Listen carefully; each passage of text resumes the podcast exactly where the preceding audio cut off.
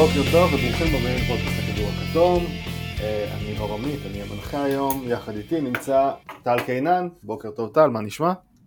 בסדר גמור, מה שלומך אור? בוקר טוב. בסדר גמור. אה, הגיע כבר מחנה, הגיע כבר המדיה די של הלייקרס? כן, היה בעצם את זה שדייוויס רוצה לשחק 82 משחקים וכאלה. האמת שדווקא כן, מהצד אה, של הניקס עדיין לא ראיתי כל מיני ציטוטים. כן, הם גם הצטלמו, מה שנקרא, ביג פור, כל הזמן עשו כל מיני פוזות, אה, אם אתה מחשיב, אתה יודע, את אה, דיאנג'לו ראסל ואת אוסטין ריבס כחלק מהרביעייה אה, המובילה. אני חשבתי שנדבר על אה, אצ'ימורה. לא, לא, לא, הם היו אה, ריבס, ראסל, אה, לברון ודייוויס כמובן. טוב, יפה. אה, יכול להיות שזו הפעם היחידה שנראה את כולם על המגרש באותו הזמן. אה, מה היה רגע השבוע שלך? טוב, אה, רגע השבוע שלי די בנאלי, בסופו של דבר קרה פה השבוע אה, אירוע היסטורי, אה, אחד השחקנים הכי untradeable, אחד השחקנים שהכי לא רצו לעזוב את הקבוצה שלו אי פעם, עבר לטרייד. אה, דמיאן לילארד כמובן, עבר למילווקי. אה, כנגד כל התחזיות אה, ששייכו אותו בין אם זה למיאמי, בין אם זה לקבוצות אחרות, אבל מילווקי לא, לא ממש היו במיקס הזה. ובסוף הם הרוויחו אותו, ואני חושב גם שזו הקבוצה הכי טובה שהוא יכל להגיע אליה. באמת אה, הם הופכות, הופכים להיות הקונטנדרית אה, כאילו בן לילה, ואולי גם הקונטנדרית הבכירה. אה, נתון לוויכוח. אה, וכנראה גם נדון בזה, כי מילואוקי חלק מהבית כן, המרכזי. בדיוק. אה, ש- שבוע שעבר הקלטתי עם דרור ביום רביעי נדמה לי, רביעי בבוקר, ואז ברביעי בלילה היה הטרייד. ו... אה, סליחה, ברביעי אחרי צהריים דרור שולח לי, אתה רוצה להקליט שבוע הבא פודקאסט אה, על, אה, על בית המרכז? ואז ברביעי בלילה היה הטרייד, ואז בחמישי בבוקר הוא שולח לי, נו, אתה רוצה להקליט עכשיו פודקאסט על בית המרכז? טוב, נו, בסדר, בוא נקליט. אה, כן, אז... אה, אבל אני אגיד שבמהלך הטרייד הייתי בדיוק ברומא עכשיו, הייתי בלי חבילת טלפון, בלי חבילת אינטרנט, והגענו בדיוק לאיזה מסעדה והייתי עם וי-פיי. אני פותח את הווי-פיי, חמש דקות אחרי זה, fuck, מבול של טוויטים, מבול של, אה, של פושים, ESPN, Bleacher, אני מסתכל מה, מה קרה, כאילו תנו לאכול, ופתאום אני קורא לילארד. זהו, מהרגע הזה לא, לא היה אותי. הייתי רק בטלפון, וכל החברים שלי שהיו איתנו, ואשתי מסתכלים עליי ולא מבינים, תעזוב את הטלפון כבר, מה יש לך? ולך תסביר, לך תסביר שהייתה רעידת אדמה עכשיו. כן. אה, טוב, אני... אפשר גם לבחור בטרייד של אה, ג'רו הולידיי שעבר לבוסטון, שזה גם כן היה אגב בלתי צפוי, לא ממש ראיתי אותם, מה יש להם לתת, אבל ברגע שהם הסכימו לוותר על רוברט וויליאמס זה כבר הפך להיות אה, חבילה יותר הגיונית מבחינת אה, פורטלנד. אבל אה, אני ב, ברגע השבוע זה הפתיחה של אה, מחנות האימונים. אה, נראה לי כמו, אתה יודע, עוד משהו שקורה לקראת העונה, אנחנו מתחילים כבר להרגיש אותה מתקרבת. אה, לאו דווקא איזה רגע ספציפי. וזהו, אז אה, אני חושב שאנחנו יכולים להתחיל. אנחנו היום מדברים, כמו שאמרת, על אה, בית המרכז. נזכיר את הפורמט, אנחנו עוברים על כל חמש הקבוצות, מהמאזן הגרוע למאזן הטוב, ובכל אחד נדבר כמה דקות. נשתדל שהפעם, בניגוד לשבוע שעבר שהקלטתי עם דרור, לא נדבר על הקבוצה הכי גרועה הכי הרבה זמן. אה, ואנחנו מתחילים עם אה, דטרויט, קבוצה שצריך לומר הייתה הכי גרועה ב... בשנה שעברה, לא לא בטוח, הכי גרועה בליגה. בשנה שעברה, לא בטוח שזה יהיה המצב השנה. אה, סיימה עם אה, מאזן 17 ניצחונות 65 הפסדים, מקום אחרון בליגה, הגיעו מונטה מוריס, ג'ו הריס, אסוואר תומפסון, מרקוס אסר, קורי ג'וזף, אה, סליחה, ומרקוס אסר, קורי ג'וזף ורודני מקרוגר עזבו לווריורס, ארג'י המפטון חתם במיאמי, היה ה, אה, הפיצוי שלהם כנראה על, על דמיאן לילארד, זה אתה או זה או, או דיים או המפטון. אה, ומה שכנראה באמת הכי מסמן את השינוי שדטרויט אה, ירצו לראות העונה זה שמונטי וויליאמס מונה לאימון הקבוצה. אה, מי אתה רואה שם אה, בחמישייה? אז רשמתי לי, אני, אני חושב שמן הסתם, אתה יודע, כמובן קייד ואייבי, מהמם. הם יהיו הקו האחורי. משם זה כבר, אה, אפשר קצת יותר לחשוב נגיד מי יכול להיות בארבע, אני... הם אוהבים את הקטע הזה של אייזאה סטיוארט בארבע, אני פחות, אבל הם, כנראה שזה מה שיקרה. אה, אני מניח שבוגדן עדיין יפתח, אה, עד שהוא ימצא לעצמו טרייד, ב... עד שימצאו לו טרייד במהלך העונה. והסנטר זאת השאלה האמיתית. האם הם יעשו את הדבר הנכון וימשיכו את מה שהם עשו בסוף העונה שעברה וייתנו לג'יילן דורן לפתוח? או באמת שהם ינסו להתעקש על הרכש בדדליין, על ג'יימס וייזמן. אני הולך עם דורן. לא, לא, אני, אני חושב, חושב שדורן די, די בוודאות תהיה הפותח, דווקא השאלה מבחינתי היא אה, לגבי השחקן החמישי לצד אה, קייד, אייבי, בוגדנוביץ' ודורן. האם זה יהיה בין, כמו שאתה אומר, איזיה סטוארט, או שהם ילכו דווקא עם אה, אה, תומפסון, אה, שיפתח בשלוש ויזיז את אה, בוגדנוביץ' לארבע.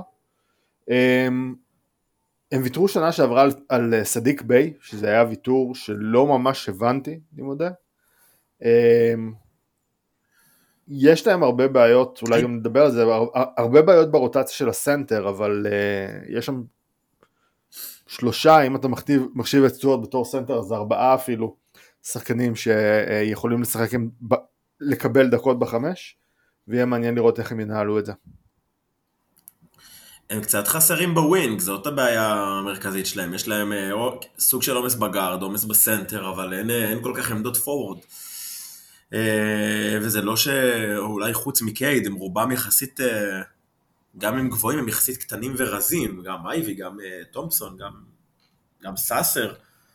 זה לא שחקנים שיכולים כאילו להיות במגוון עמדות. עכשיו, מה שכן, יכול להיות שאתה צודק, ובאמת הם ילכו על שלושה גארדים. גם מונטי וויליאמס אוהב לשחק ככה. אז יכול להיות שבאמת נראה את אה, בוגדנוביץ' בארבע, דבר שהוא די סביר. ואז אתה יודע, את, את, את, את אה, אייבי, קניגם וטומפסון לצד דורן ו... תראה, יש להם, יש להם שם גם את אלק ברקס וגם את ג'ו הריס, שבשלב הזה בקריירה הם כן אמורים להיות תחליפים אפשריים בשלוש. כנראה ישחקו גם בשתיים גם בשלוש.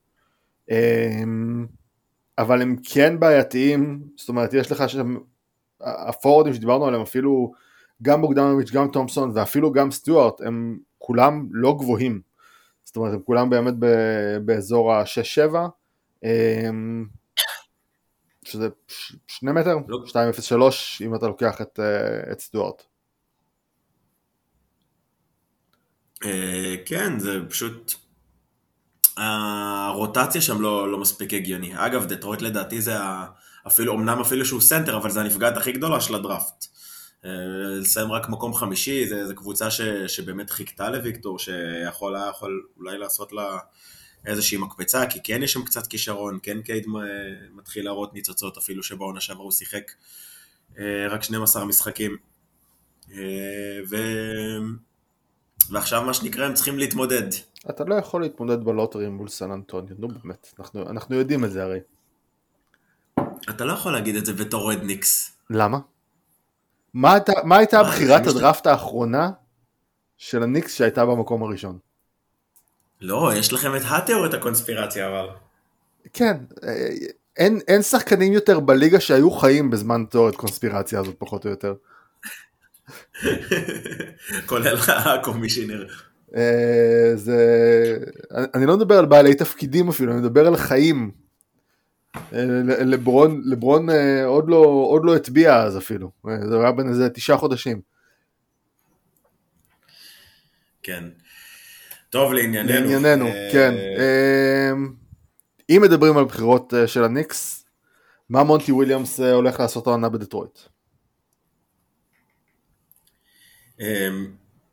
אני חושב שבאמת, אה, יכול, כמו שציינת, זה, זה פתאום כזה יותר מתחבר לי, אנחנו נראה הרכבים של שלושה גארדים, אה, כי בסופו של דבר המטרה שלו היא להפוך אותם לשחקנים, להפוך את קייד אה, לכוכב ואת אייבי למשהו שיכול לראות כמו כוכב, ו, ולנסות לקדם את תומפסון כמה שיותר לכיוון הזה כמה שיותר מהר.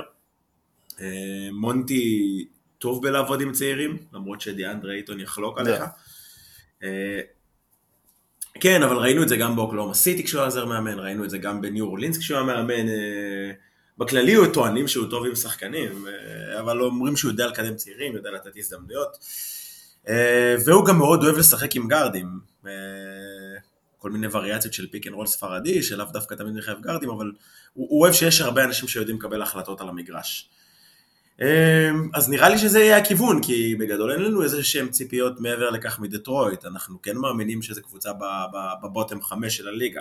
אני חושב שלא כולם מסכימים עם זה אגב, ראיתי כבר דיבורים על זה שהם יהיו בפליי-אין השנה,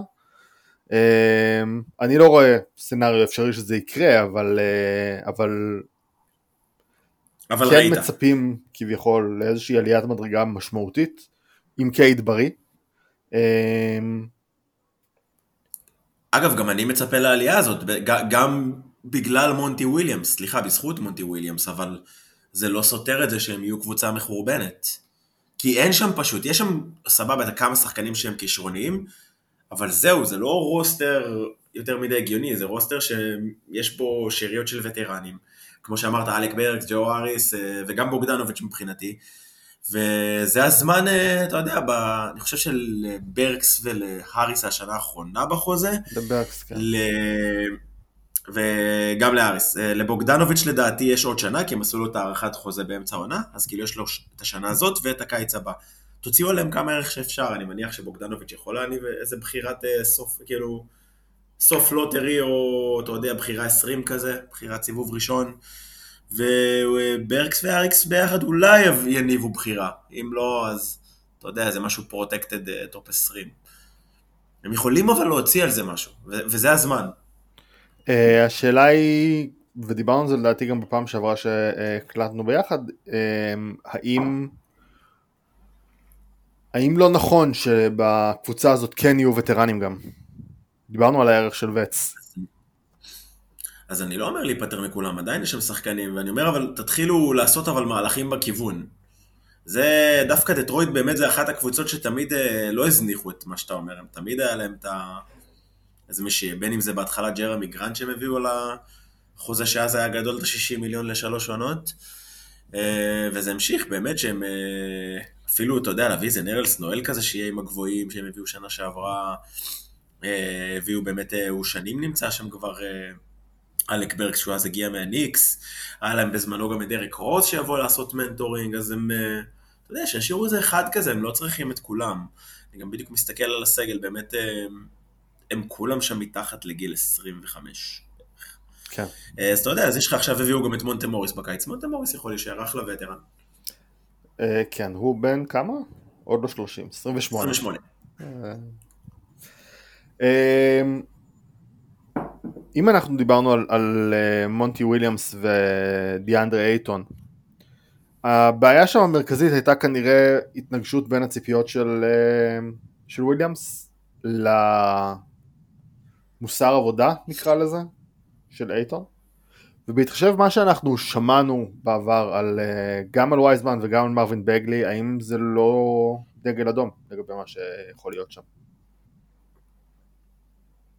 האמת שזו שאלה מעניינת. אה, כמובן צריך להגיד שכל מה שאנחנו באמת שומעים ויודעים על שחקנים זה באמת בערבון מוגבל, כי אנחנו לא שם ואנחנו ניזונים, זה לא שאנחנו התקשורת, אנחנו ניזונים מתקשורת. אה, בגלי אני חושב שיש איתו פחות היום בעיות אה, של מוסר עבודה, וגם גם וייזמן זה לא בן אדם שלא עובד, הוא פשוט... דווקא כן דיברו על זה כל הזמן איך הוא מתקדם, איך הוא משתקם טוב, ושהוא עובד יפה בפציעה, וגם אפילו שלקח לו זמן זה... לא זכרתי דווקא שהיה לו יותר מדי ביקורות על איך שהוא עובד, זה עניין יותר של פשוט לא, אין לו מספיק אוריינטציה לכדורסל, אין לו, אין לו, אין לו את החוש הזה. אמ, וחוץ מזה שהם שניהם שחקנים שלא אמורים להיות כל כך רלוונטיים לפיסטונס. סבבה, אז בגלי היה לו עונת שיקום חביבה. אה, בואו נראה אם וייזמן מסוגל לספק כזאת, אבל בגדול הם לא אמורים להיות חלק מהותי ברוטציה. אה, אם באמת הם שואפים לעשות את הדבר הנכון, אז דורן אמור לקבל השנה בסביבות ה-30 דקות בסנטר. ולנסות לפתח אותו אחרי עונת רוקי באמת uh, מעניינת. ואני חושב שאתה יודע, זה לא כזה משנה אם יהיו בעיות או לא. הם פשוט, uh, אתה יודע, שחקנים שיש טוב, אז נחתוך אותם, זה לא שהם יכולים להניב לך משהו בטרייד.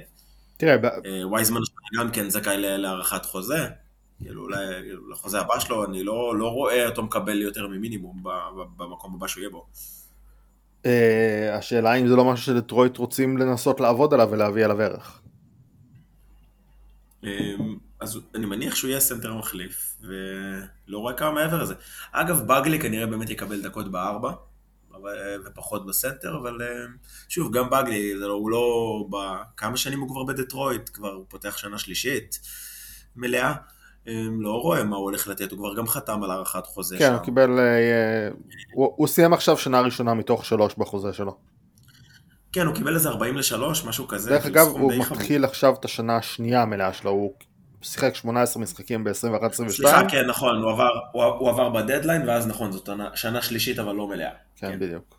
אמ, ואני לא, אתה יודע, זה לא, הוא לא מראה איזה משהו מעבר, אבל זה לא, לא שחקן שמספיק חשוב לגור, כאילו, למועדון, כדי שבאמת אה, תהיה איזושהי בעיה מהותית אה, מול מאמן שלא יוותרו על השחקן.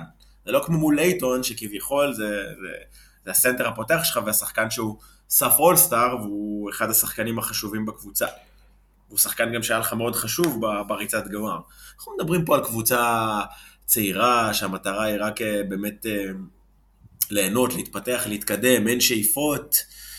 אה, אז גם הדברים כאלה נראה לי שיהיה פחות חיכוכים, אבל גם פשוט אני לא רואה סיבה שזה יהיה רלוונטי. גם אם יקרה. לא שאני חושב שיקרה, אבל גם אם יהיו חיכוכים, הם פשוט לא רלוונטיים, נפטרים מהשחקן. הבעיה הבאה, לדעתי, עם דטרויט, אני אקריא לך רק מספרים.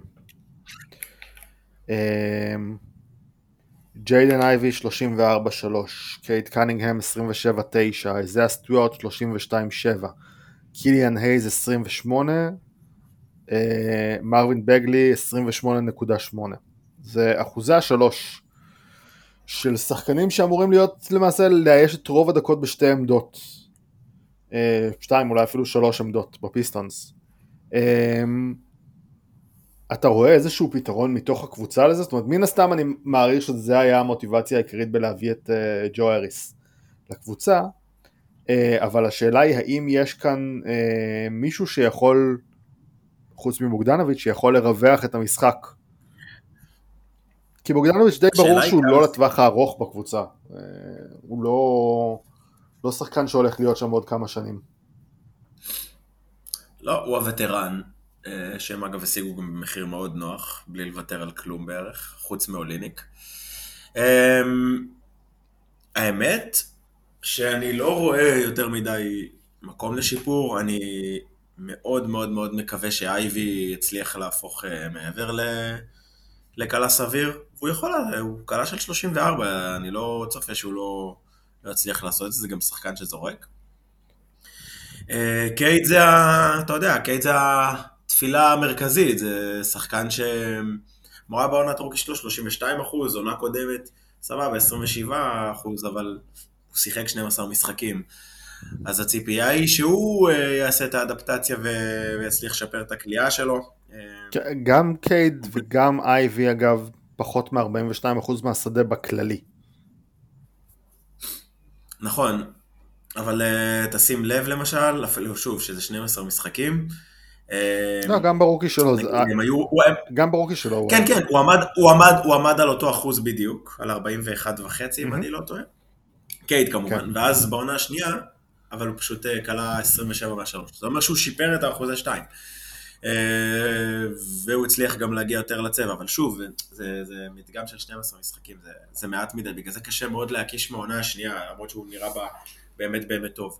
אני חושב ששחקן שנתן בעונה שלמה 32 אחוז, זה מן הסתם לא טוב, אבל כן יחסית מעודד, והוא יכול לעשות משם קפיצה, גם זה שחקן שכן לוקח סטמפקים, כן זורק שלשות, זה כן חלק מהמשחק שלו, הוא פשוט... אה, ממה שראיתי, עכשיו גם סתם רציתי קצת להיזכר בפורום זריקה שלו, הוא משחרר את הכדור מאוד uh, מתוך הגוף. כן.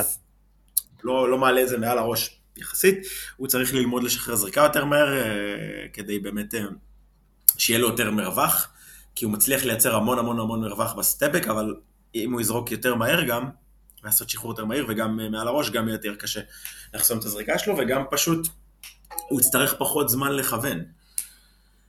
אה, ואז אה, זה, זה לדעתי השלב הבא במשחק, ואני חושב שדיברנו על זה גם בפודקאסט של השחקנים אה, שיפרצו העונה. אנחנו רוצים את הקליעה של קייד, כי זה מה שיהפוך אותו באמת לסופרסטאר ולא רק לכוכב. אני, אני השנה מאמין שהוא, שהוא אגב יכול גם להגיע לאולסטאר. או. כי אני פשוט רואה שהוא יעשה את הקפיצה בכל, ה... בכל המדדים. יפה. מה, מה, הפוטנציאל של, זאת אומרת שקייד הוא פוטנציאל לאולסטאר. אמ, נזכיר ש... קייד הוא פוטנציאל סופרסטאר, קייד הוא פוטנציאל. לא, אני מדבר על העונה, לא מדבר על ההמשך בהכרח. אה, אמ, על העונה, כן. צריך לומר, אם אנחנו מדברים על מדגם קטן, אז בואו נדבר על מדגם עוד יותר קטן. אה, הוא השם שעלה הכי הרבה בתור מי השחקן שהכי הרשים אותך מתוך הסלקטים, כששאלו את אה, שחקני נבחרת ארה"ב. אה, ומי שעוד צוין שם זה גם ג'לן דורן, שהוא היה השחקן הראשון בליגה שנולד אחרי שלברון ג'יימס נבחר בדראפט. אתה רואה אותו גם כן בתור פוטנציאל אולסטאר? העונה בעתיד הנראה לעין באופן כללי? אה, דורן אה, יהיה שחקן טוב, אני לא חושב שהוא ברמת אולסטאר, הוא יכול להיות אה, סנטר מאוד, סנטר טוב בקונטנדרית, סנטר פותח טוב בקונטנדרית, לא, בוא נגיד style קלינט קפלה כזה, אהמ. מבחינת ה-level, זה לא אותו skills בדיוק, כי, כי נגיד, כי דורן מחליף יותר טוב ב perimeter, דורן גם דורן גם יכול למסור טוב, הוא אמנם היה עם אסיסט למשחק, אבל uh, יש, לו, יש לו הבנה. הוא יודע לקרוא טוב double team ים, הוא, הוא לאו דווקא זה שאתה יודע, הוא לא ינהל משחק, אבל תן לו לקבל החלטות ב short roll, ואפילו כשהוא מקבל uh, כדור כזה בפוסט, הוא, הוא עושה עבודה טובה. Uh, אז יש לו שכל, הוא אין לו כל כך touch, הוא באמת יותר finisher כזה בטבעת, הוא מאוד אתלטי, הוא בהמה אגב, מי שלא ראה אותו. לכו שימו מהלכים של דורן, הוא פשוט חזק נורא. אה, זו איום lob תמידי, ואתה יודע, rim runner קלאסי כזה, רק עם קצת יותר שכל, קצת יותר skills גם. מה שאנחנו מצפים בכללי מ rim runner מודרני. זה מה שאני חוזה לו, כאילו, איפה אני, אני, אני רחוק ממה שאתה חושב? לא, אני חושב יודע? קודם כל שצריך לזכור שהוא עוד לא בן 20 אפילו. זאת אומרת שמה שאתה אומר על, ה, על ה, זה שהוא חזק וגדול וכן הלאה, זה הולך, הוא הולך עוד להתפתח גם, ב, גם במישור הפיזי. אמ, בשנה שעברה היה בערך חצי חצי מהעונה מהספסל, חצי שני היה פתח. ב-29 דקות בתור אה, שחקן חמישייה הוא נתן 10 וחצי נקודות, 10 וחצי ריבאונדים, אחוז, אה, סליחה, אסיסט וחצי.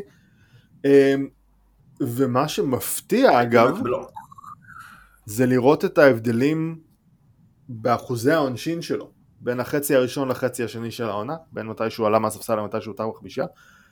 מתי שהוא עלה מהספסל הוא כלה אה, ב-53.5% מהקו.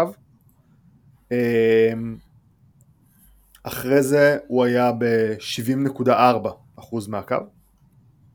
שזאת קפיצה מאוד מאוד משמעותית ונראה אם היא סוסטיינבל כי אם כן זה יכול לתת גם איזשהו סימן לגבי היכולת שלו לקלוע באופן כללי, גם להפוך להיות סוג של, שחקן שלפחות אי אפשר לזייף ממנו משלוש. אמ, אז אני חושב שפוטנציאלית כן יכול להיות, אתה יודע, רוב הסנטרים, בטח במזרח, קשה לחשוב על סנטרים שהם, אה, אה, אתה יודע, אם אנחנו מדברים במערב על אה, יוקיץ' ושינגון וסבוניס, אז אין כל כך שחקנים מהדגם הזה במזרח, אז הוא כן יכול להיות סף אולסטאר במזרח לדעתי. אה, מעניין מה שאתה אומר, אני לא חושב. אה, באמת גם כן אה, רשמתי לעצמי באמת את הנתונים שלו ב-31 משחקים שהוא עשה בחמישייה. אגב, הוא עושה את זה גם ב-61 אחוז, כן? אבל שוב, רוב הזריקות שלו הם באמת בטבעת. אז אני לא... כאילו מין יכול להיות סוג של לא יודע, פרינג' אולסטאר כזה, אולי אה, סוג של מיילס טרנר כזה, שאולי מדברים עליהם לאולסטאר, אבל לא באמת אה, לוקחים אותם בחשבון. אגב, אני אישית, העונה בטוח לא רואה את זה. השאלה אם היה בעתיד. כן, זה נראה עוד מוקדם. Uh, טוב, בסדר, תן לנו את מדד הליג פס שלך.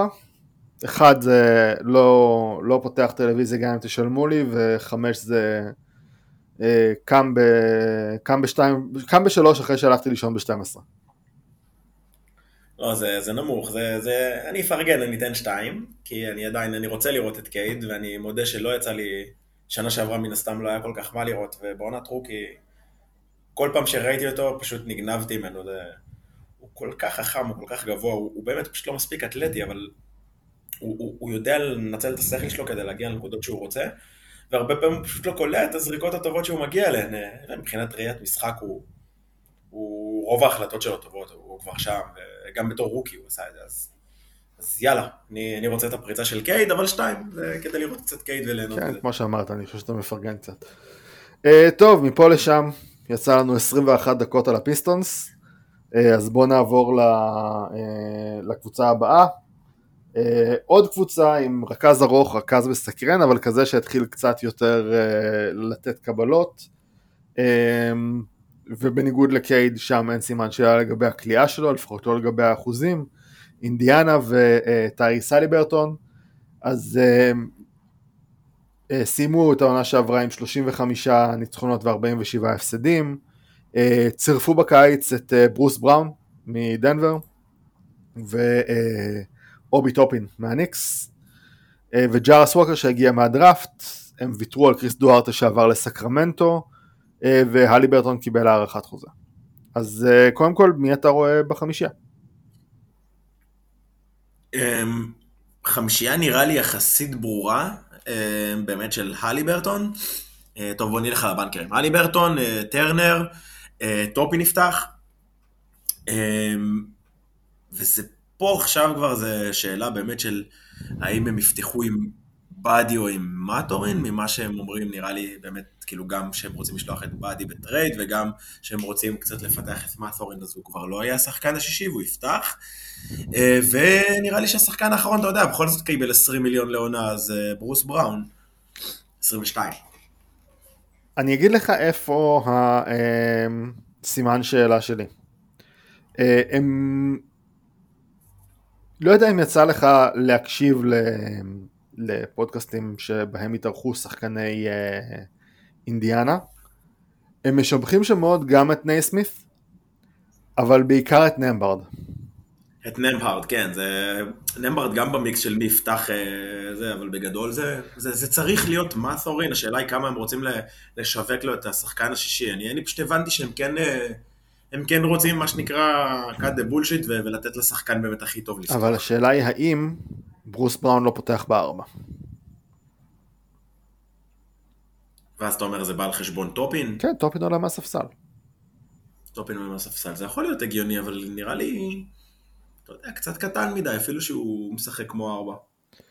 Uh, זה תלוי במאץ', וזה תלוי גם יכול להיות ביכולת כליאה שטופין יציג כ... מחוץ, מעבר ל... להיות זה שרץ את המגרש. Uh, כי במצב הזה אני לא בטוח מי המאץ' ההגנתי שאתה נותן ל... טופין שחקן הגנה לא נהדר, לפחות ב, אה, בסכמות של טיבודו הוא קצת התקשה. אה, והשאלה אם זה לא משהו שאתה אומר, אוקיי, אני מעדיף שיהיה לי את, אה, את בראון על המגרש, ואת טופין אני מעלה מול החמישיות השניות, עדיין בציוות עם הלי ברטון, כדי לנצל בעצם את המהירויות, אבל לא כשחקן שמקבל את רוב הדקות. אה, כן, זה יכול להיות מעניין, אבל מצד שני אני חושב שבאיזשהו מקום, טוב זה גם באמת תלוי match, אבל אם יש לך עכשיו אה, סתם איזה קבוצה כמו קליבלנד כזה, זה, שמשחק אתכם שני גבוהים בחמישייה, זה לא יעבוד. או, אתה יודע מה, אפילו לייקרס עכשיו, כאילו, מה, תשים את ברוס בראון על לברון? תשים את טובי טופן על לברון? אה, תשמע, זה יכול יותר לעבוד באיזשהו מקום, כן. טוב, יכול להיות. אני חושב ש... אני...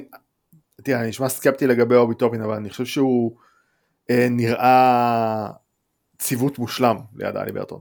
אני מאוד אוהב את התוספת הזאת לאינדיאנה. אה, ונחכה לראות איך, איך זה באמת אה, זה, כי, כי אני, אני בעדו בגדול. אה, אם אנחנו דיברנו על ברוס בראון, הוא עשה קפיצה מאוד משמעותית גם ברמת השכר וכתוצאה מזה גם ברמת הציפיות. אתה רואה אותו מצדיק את זה? אתה רואה אותו שחקן ששווה גם בחוזה הבא שלו 20 מיליון דולר לעונה? אני לא חושב, הוא יהיה שווה את זה רק בגלל אינפלציה של התקרה ושל הכסף, זה לא... מבחינת אה, מה שעדיין, איך שאנשים תופסים שחקן של 20 מיליון דולר, לא, אני לא חושב שברוס בראון שם. ברוס בראון זה שחקן מיד לבל קלאסי, שטוב ב- בלסתום חורים, אה, יחסית כן מגן סוויצ'בילי, שיכול כן להתמודד עם באיזשהו מקום עם כמה עמדות, אפילו על מה שאמרתי קודם. אמ, קולע סבבה מבחוץ, אה, חותך מצוין, אז הוא כן ייתן איזשהו אימפקט לאינדיאנה, אבל הוא לא שחקן של 20 מיליון דולר, יותר מזה, אני גם חושב שאנחנו לא נראה אותו משתפר יותר מדי, זה השחקן. מה שהוא נתן זה מה שהוא ייתן, ואולי אפילו קצת פחות מזה, כי, כי בסופו של דבר, סבבה שאלי ברטון מוסר נהדר, אלי ברטון הוא גם אה, בעיקר מוסר טוב, אה, מה שנקרא, כשהוא מכדרור, כאילו תוך mm-hmm. כדי, הוא הפלור ג'נרל.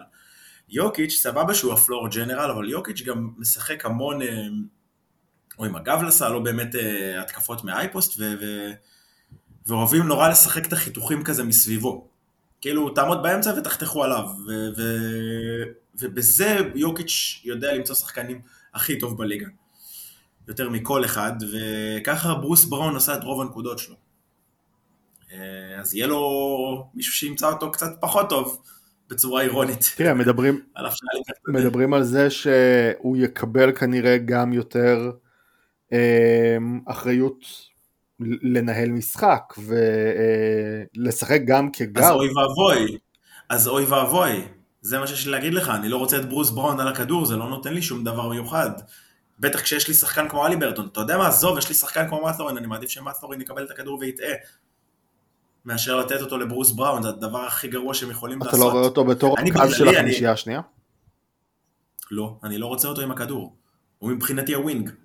לא רוצה אותו עם הכדור, הוא יכול גם לשחק ארבע, אתה, אתה אומר לי, תן לי אותו עם הכדור. לא רוצה אותו עם הכדור. אני אישית, אחד הדברים שהכי ביאסו אותי ב off season הזה, זה שברוס בראון הגיע לאינדיאנה. כי אינדיאנה סבבה הם מגניבים, אבל אני, אני, זה, זה, זה מוקדם מדי להביא שחקן כזה, רוצים וטרנים, סבבה, ת, תביאו בסכומים שפויים, תביאו ג'ף גרין אפילו ב-8 מיליון, 6 מיליון. למה אתם צריכים ברוס בראון ב-20 מיליון? הוא לא, הוא לא נותן לכם איזה משהו שאתם באמת צריכים. ומהצד של ברוס בראון אני עוד יותר מאוכזב, סבבה יופי, הנה אתה עושה את הכסף שלך, אני מת שהוא יעוף משם שנה הבאה. הלוואי. כדי, כי הוא צריך לשחק בקונטנדריות, בקבוצות שהסתימת חורים תהיה רלוונטית להן, בקבוצות שהוא יוכל לעשות את הדברים הקטנים שמאפשרים לכוכבים להיות טובים יותר ולבלוט יותר. אה, לא, הוא לא מנהל משחק, הוא לא, הוא לא שחקן שיותר מדי טוב בלטפל בכדור. ה vision שלו הוא לא וואו, הוא גם הדריבל שלו לא טוב, אני לא... לא, אני לא רוצה את הכדור אצל ברוס בראון, זה, על גבול, על גבול, אני, אני קצת כועס עכשיו, אני לא אשקר לך. אה, טוב, אוקיי, בסדר, נעביר את הטענות שלך לגורמים המתאימים. אה, אגב, אתה לא חושב שאינדיאנה הייתה צריכה להיות בטנק? סוג של טנק, אפילו שאני יודע שבאינדיאנה לא עושים טנקים. לא, אני לא חושב ש... לא עדיף לא לפתח צעירים ועוד בחירה? אני לא חושב שאינדיאנה הייתה צריכה להיות בטנק, אני לא חושב שאינדיאנה הייתה צריכה לצרף את ברוס וואו. אני מסכים איתך לגבי החלק הזה, שהוא לא מתאים שם, הוא לא השחקן שהם היו צריכים. אה, אני מעריך שהם אמרו אוקיי אנחנו רוצים את הקבוצה, את, את השחקן שהגיע מקבוצת אליפות וכן הלאה ואיזושהי אווירת ניצחונות לקבוצה, איזושהי, איזושהי אווירת מקצוענות לקבוצה. אה, אני לא חושב שבהכרח ברוס בראון זה היה השחקן המתאים. אה, אבל נחכה ונראה, אולי, אולי נטעה. טוב, כל הכבוד לברוס בראון, אנחנו פה מדברים על, אה, בוא נדבר רגע על טיירי סליברטון. אה, בליצ'ר עשו לפני שבוע ומשהו, שבוע, לא יודע, כל הזמנים מתערבבים, גם בגלל הטריידים, גם בגלל פתיחת מכונות האימונים וגם בגלל ש... אה, סוכות וכאלה והכל אצלי מתבלגן. ג'ף טיג עשה את הדירוג של הרכזים עבור בליצ'ר והוא השאיר את טייריס הליברטון מחוץ לעשירייה, כלל שם בין היתר את uh, דיארון פוקס, טרי יאנג, כל מיני שחקנים. אתה מסכים לאנליזה הזאת? אתה רואה שאת טייריס הליברטון הוא לא top 10 רכזים בליגה? לא, לא צריך להגזים, לחלוטין שחקן top 10. Um, למרות שכשהסתכלתי פתאום כזה על הרשימה אז כאילו בהתחלה אמרתי לעצמי, וואו, ג'ף טיג הוא הזיה, אבל ואז פתאום ראיתי, אוקיי, אבל אם הוא מחשיב נגיד את קיירי, אז אוקיי, זה כאילו, אני יכול להבין למה אנשים אומרים שקיירי כרגע שחקן טוב יותר. אה, מצד שני, אני גם יכול להבין את אלה שאומרים כרגע למה קיירי שחקן פחות טוב, והוא גם לא, לא בן אדם שיותר מדי איתנו. אני מבחינתי בכל הרשימה הזאת, אתה יודע, רשמתי לי הרבה רכזים כאילו, כזה, אתה יודע, סטף, אה, יאנג, אה, אמ, מי עוד רשמתי לי פה? לוקה, אז בואו נראה נגיד במה אנחנו אומרים על פוקס. פוקס נראה לי כבר מתחיל להיות מאוד מאוד דומה, זה מאוד גבולי. כשהם שיחקו ביחד אז ברור שפוקס היה שחקן טוב יותר, אבל מה שנקרא, דרכו אחד לשני על האצבעות. כי הם לא מספיק uh, מתאימים לשחק אחד עם השני, אבל עכשיו כאילו גם אחרי העונה שהליברטון נתן. אני לא יודע כל כך לטובת מי זה הולך, מי, מי שחקן... אז שנייה, בוא, כאילו בוא רגע... טוב נג... יותר, או מי יהיה טוב יותר. בוא רגע נגיד... אמ... את הרשימה שלו, זה היה uh, קרי, דונצ'יץ', דיים, שיי, קיירי, ג'מורן, טרי יאנג, דיארון פוקס, ג'לן ברונסון וג'מאל מורי. אז כן, גם אני כתבתי לי פה הש... ג'ה, לוקה, דיים. זה, זה היה הסירייה של ג'ף טיג. עכשיו השאלה, אמ, האם אנחנו מדברים על העונה, על העונה הקרובה? כי אז אני לא בטוח שאפשר להכליל את ג'ה בכלל ברשימה הזאת, או באופן כללי. אמ, לא, אתה, אתה יכול להכליל את ג'ה, אני לא מסתכל עכשיו על חמישיות עונה כמדד, אני מסתכל על באמת, על האימפקט שהוא ייתן על הקבוצה. אז ג'ה עדיין הולך לשחק שליש עונה, אה, שני שליש עונה. תראה, אני, אני מאוד אוהב את דנבר, נניח. אמ, אני לא בטוח שאם אתה שם את ג'מאל מורי היום באינדיאנה, אינדיאנה נראית יותר טוב. אה, אני מסכים, אבל זה, זה בעייתי כי, כי מארי נותן משהו לדנבר שהם צריכים יותר מניהול משחק של אלי ברטון, אתה מבין? ואז כאילו השאלה היא גם אם שמת את הליברטון בדנבר, האם השתפרת? אני חושב שכן, זה... אני חושב שכן. בטח אם אתה מסתכל גם על הצד ההגנתי אגב. הוא שומר יותר אני... טוב ממורי. יכול להיות, אני אבל אוהב את מורי כמגן. בוא נגיד, אבל על פוקס זו שאלה מאוד מעניינת בעיניי. טרי יאנג לדעתי לא, כמה שאני לא כזה מחבב את יאנג, אני חושב שטרי יאנג, עם כל הכבוד, זה שחקן שהוא עדיין יותר מוכח. לא, ו... אני, אני, וגם... טרי יאנג זה השם הראשון שאני מעיף בלי להתלבט בכלל. אמ, אני, אני פשוט אוהב את המשחק של הליברטון, אבל אני, אני חושב שכרגע טרי יאנג שחקן טוב יותר. אני, אני לא מסכים עם זה. אמ, מה, מה אתה אומר על למלו בול? וזה, וזה שם tricky, כי אני חושב שבא, ש, שלמלו יהיה רכז טוב יותר, יהיה שחקן טוב יותר. ממה? מהלי ברטון? מהלי ברטון, כן, אנחנו, כל הנקודת השוואה פה זה הלי ברטון. אני, אני חושב שגם עד לא העונה זה היה ככה. העונה, אני לא רואה את זה קורה. אמ, ואני חושב שלמלו, ובמידה מסוימת אפילו ראינו את זה שנה שעברה, הוא הרבה יותר תלוי בסקואד שיש מסביבו מהלי ברטון. בדיוק באתי להגיד את זה, אבל זה, זה שאתה תלוי בסקואד שלך, ואגב זה גם תקף לגבי קייד, זה לא דבר רע. בסופו של דבר גם רכזים, ש... כאילו, מה לעשות שכדי לשפר שחקנים, כאילו, אתה צריך שיהיה גם שחקנים טובים איתך. כן, אבל אנחנו ו... לא מדברים על, אנחנו לא השחקן... לא מדברים על נייסמית ונמברד, אם הם משחקים ליד למלו. אתה יודע מה? אני לא כזה בטוח. למלו ה vision שלו הוא פסיכי. זה לא ש... כאילו, אחד המוסרים הכי טובים נכון, בליגה. נכון, אני מסכים. והוא... והוא... בהרבה... זה לא רק הווירטואוזיות שלו, זה, זה היכולת לבצע קריאות טובות. הוא כן רכז pick and roll טוב, הוא פשוט בשנה שעברה קצת באמת יותר התמכר ל...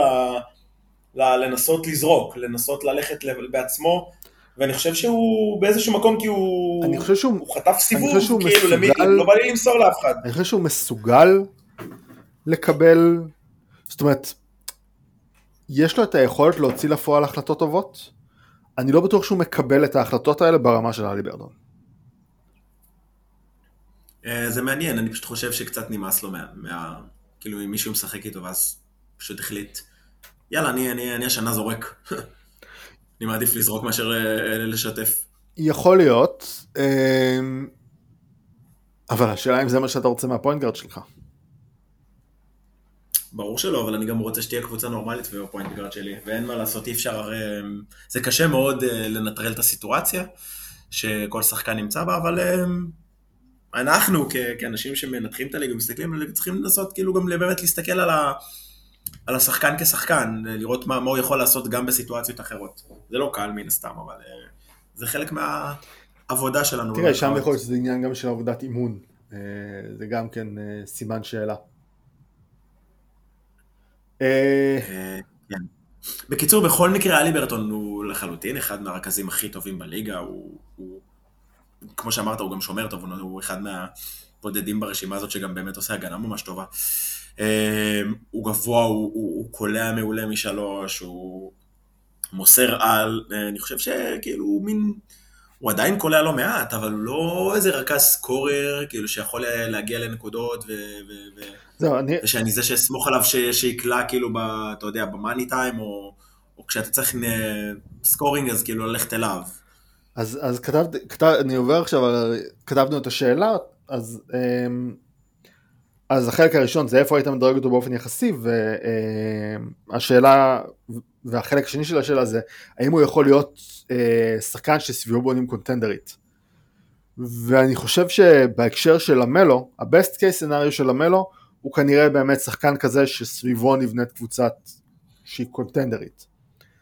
אני לא בטוח שה-best case של הליברטון הוא כזה, אה, לא סתם משווים אותו המון לקריס פול בהקשר הזה, כי, כי הוא רכז יותר quote unquote קלאסי. אה, והוא צריך יותר את המוציאים לפועל לידו. נכון, אבל קריס פול גם, גם היה scorer, כאילו זה היה אחד שתן לו את הכדור, אני יודע שהוא ילך ל elbow בצד ימין, וטאק, תפור לי את ה mid range. הליברטון אני לא חושב שיכול לעשות את זה, הוא, הוא, הוא יכול אה, לקחת שלשות off the dribble, אבל זה שחקן שהייתי יותר מעדיף שיזרוק ב catch and shoot. אה, ובכללי שהוא זה שיבצע יותר באמת את ה... את ה pick and roll, את ה... בוא, ואת ניהול המשחק. בוא נזכור שמדברים פה על שחקן אני- ששנה שעברה היה עם 20 נקודות, 10 אסיסטים, בספליטים של 49, 40, 87. אז, אז זה מה שאני אומר, כאילו זה לא שהוא לא קולע, זה לא שהוא... אבל הוא לא...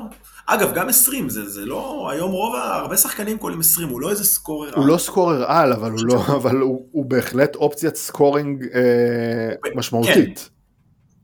כן, אבל ברגע שאתה שואל אותי האם השאלה שהוא יכול להיות אופציה אחת של קונטנדרית, אז בעיניי לא. לא, בסדר, גם קריס פול לא היה אופציה אחת של קונטנדרית. אני חושב שהוא יכל להיות בסיום. חושב, תראה, הוא, הוא, כל הזמן היה צריך את ה big man ש... שהוא יכול לייצר לו נקודות, אם זה דיוויד ווסט, אם זה בלייק גריפין. אמ, ב top אני מדבר, אני לא מדבר על, ה... על הקדנציה ב... למה? אפילו ביוסטון. קח אפילו את טייסון צ'נדלר, אבל. טייסון צ'נדלר לא היה אופציה התקפית viable, הוא שיחק שם עם דיוויד ווסט. בדיוק, הוא היה, לא היה אופציה התקפית, כאילו, והוא עדיין הפך אותו לכזה. לא באמת, הוא הפך אותו ל lob threat, אבל, אבל, לא, אבל לא לזה.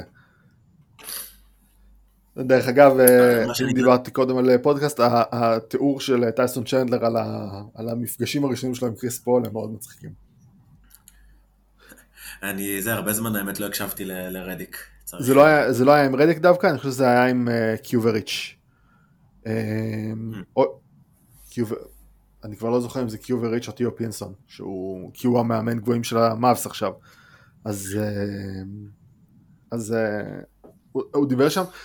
בקיצור, הוא, הוא אומר, קריס פול כל הזמן היה מוסר לי את ה pocket pass ב pick and roll. אני אומר לו, מה, מה אני אמור לעשות עם זה? אז הוא עושה, טוב, פעם הבאה תקפוץ.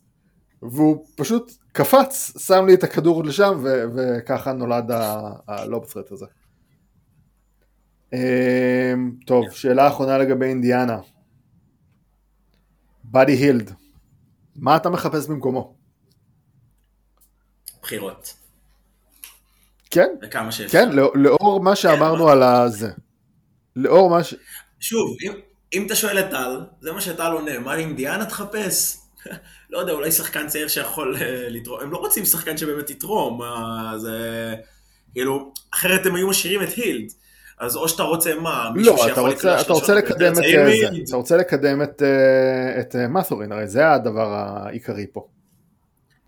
יפה, אז אני חושב שאם מצליחים להוציא עליו בחירת סיבוב ראשון, הם ייקחו את זה.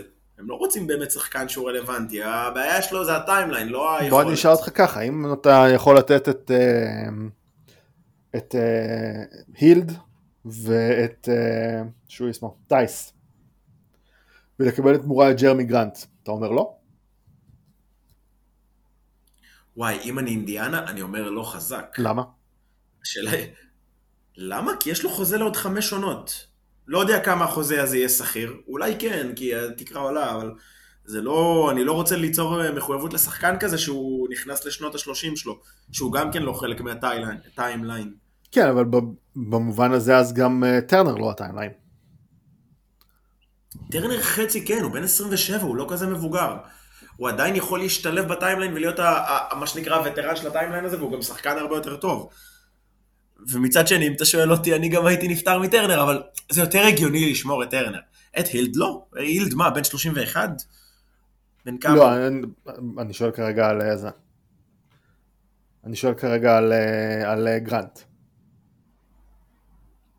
לא, אבל כאילו, אני אומר שיותר הגיוני להיפטר מהילד מאשר מטרנר. אה, הילד, הילד יהיה בן 31 בדצמבר, כן. יפה, אז זה, זה, זה הבדל של ארבע שנים, בוא.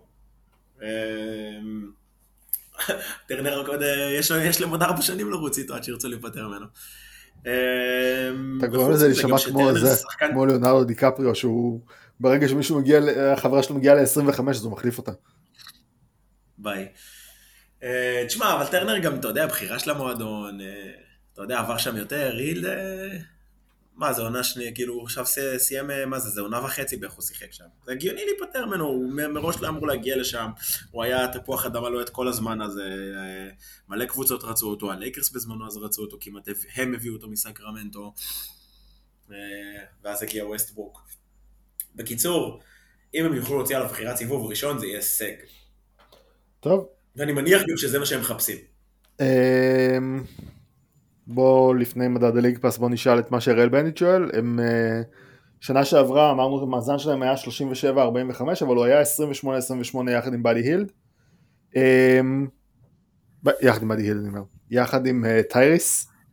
הליברטון. האם אה, אתה רואה אותם כקבוצת פלייאוף העונה? תכלס, נכון, לא דיברנו על זה. לא, אני כאילו קצת דיברתי, כאילו רמזתי לזה בהקשר של שדיברנו על ברוס בראון, אבל אני חושב שזו קבוצה ש, שתילחם על ה play-in במקרה הטוב שלה. המזרח לא מספיק חלש כדי שהם יתברגו שם, ו, ואני בגלל זה נורא התבאסתי. אני לא, לא חושב שהקבוצה הזאת בנויה להצליח כרגע, mm-hmm. הם גם לא צריכים. הם גם לא צריכים. תשמע, אני לא מספיק מכיר את uh, ג'ארס ווקר, אבל נראה לי יכול להיות ממש ממש מגניב ויהיה מעניין לראות אותו ומה הוא יכול לעשות ואני מקווה שייתנו, אולי הוא יקבל את הדקות בארבע, זאת הסיבה שבחרו אותו, לא? יכול להיות שבתוך כדי כזה הוא ינסו לתת לו יותר, אתה יודע, סוף עונה כזה, אמצע עונה, אולי הוא בטעות יתחיל לפתוח, תלוי איך הוא ייראה. אה, ובכל מקרה אני לא מאמין בסיכויים של הפייסרס, זה ייגמר ב play-in והדחה. יש פשוט קבוצות במזרח שהן יותר טובות, אני, בוא נגיד סתם, אה, נגיד מה, הם ב tier של טורונטו כזה, טורונטו יכולה לנצח אותם. אה, אלא אם כן, אתה יודע, פתאום יעשו שינויים. אה, אני, אני, חושב שזה, אני חושב שטורונטו בדרך ל building, ל rebuild, building. אני צריך עוד קפה כנראה, זה הבעיה של להקליט בבוקר, אתה מבין? כן. תראה, אני חושב שוושינגטון יהיו פחות טובים מהם, דטרויט יהיו פחות טובים מהם, אני מעריך ששרלוט יהיו פחות טובים מהם. זה אולי hot take, אבל אני חושב שגם ברוקלין וגם טורונטו יהיו פחות טובים מהם. ולדעתי גם הקבוצה הבאה של... אבל זה, רגע, שנייה, שנייה, שנייה, שנייה, זה ה tier. נכון, זה אוקיי, אז, אז בוא, אני, אני שם אותם באותו tier כרגע עם ברוקלין, טורונטו, אורלנדו, הפייסרס, שיקגו. אולי, אולי תכניס, אולי תכניס גם את אטלנטה לשם, סבבה? אטלנטה תהיה יותר טובה. אטלנטה, אטלנטה כאילו אמורה להתחרות על, על 6-8 כזה? כאילו, כן, טוב, אוקיי, כן, סבבה. אה, אני חושב שהם ייכנסו ל play-in, אני לא חושב שהם, אה, אה, אולי, אתה יודע, ברמת ה random, אולי הם כן ייכנסו לפלייאוף, אבל, אבל play-in אמור להיות המטרה שלהם עונה. כן, לא, זה, זה, זה סביר, זה פשוט מטרה גרועה בעיניי, אבל כן. אה, ואיפה אתה שם אותם ב League Pass? זאת בדיוק הטענה שלי. זהו, זה טריקי, כי אני... הקבוצה הזאת על פניו, אני לא, לא חוזה לה איזה שהן הצלחות, אבל הם כל כך כיפים, רצים. כן, הם קבוצה שכיף לראות. כמה, כמה אליופים אנחנו הולכים לראות בין. אה, זה הולך להיות נהדר, הליברטון וטופין השנה. זה כאילו הולך להיות משוגע, כאילו, וגם, אתה יודע, גם ברוס בראון רץ, וגם, וגם זה צעיר, מאת'ורין יכול לטוס, ונמהארד שחקן מגניב, כי יש המון שחקנים מגניבים. ובא לי קצת לראות מי זה ג'ארס ווקר, ובקיצור, זה קבוצה ש... כאילו זה טריקי אז אני אתן שלוש וחצי. זה סבבה. אבל מבחינת לי... כאילו סגנון משחק זה, זה גם יכול להיות חמש. כן, נשמע לי סביר האמת.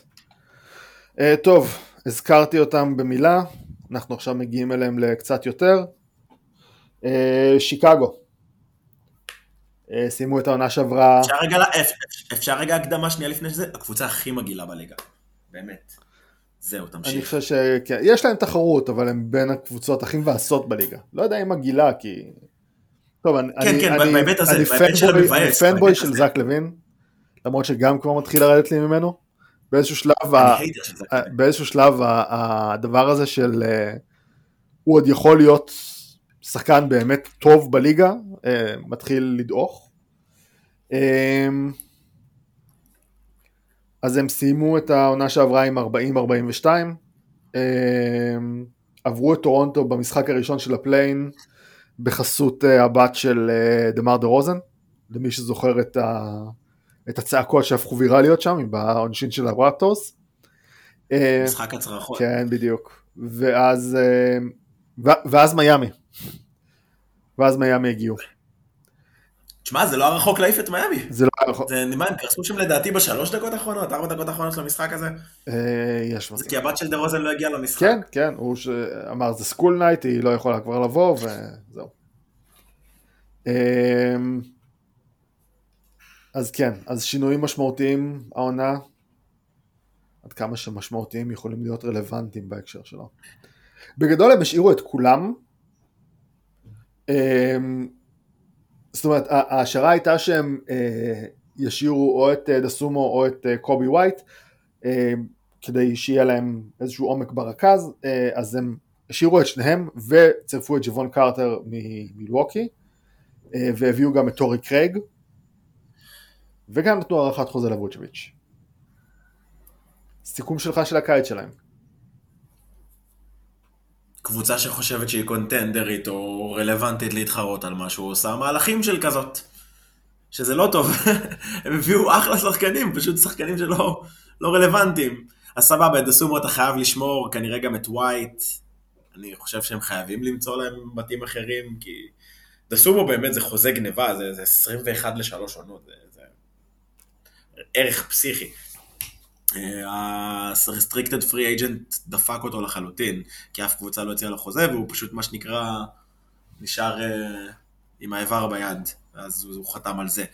טורי קרייג זה שחקן שיכול להיות רלוונטי אה, בהרבה קבוצות, wing ששומר לא רע, קולע סבבה מבחוץ, יכול לעשות עבירות, אתה יודע, על, על כל הווינגים הכוכבים של העולם, אבל...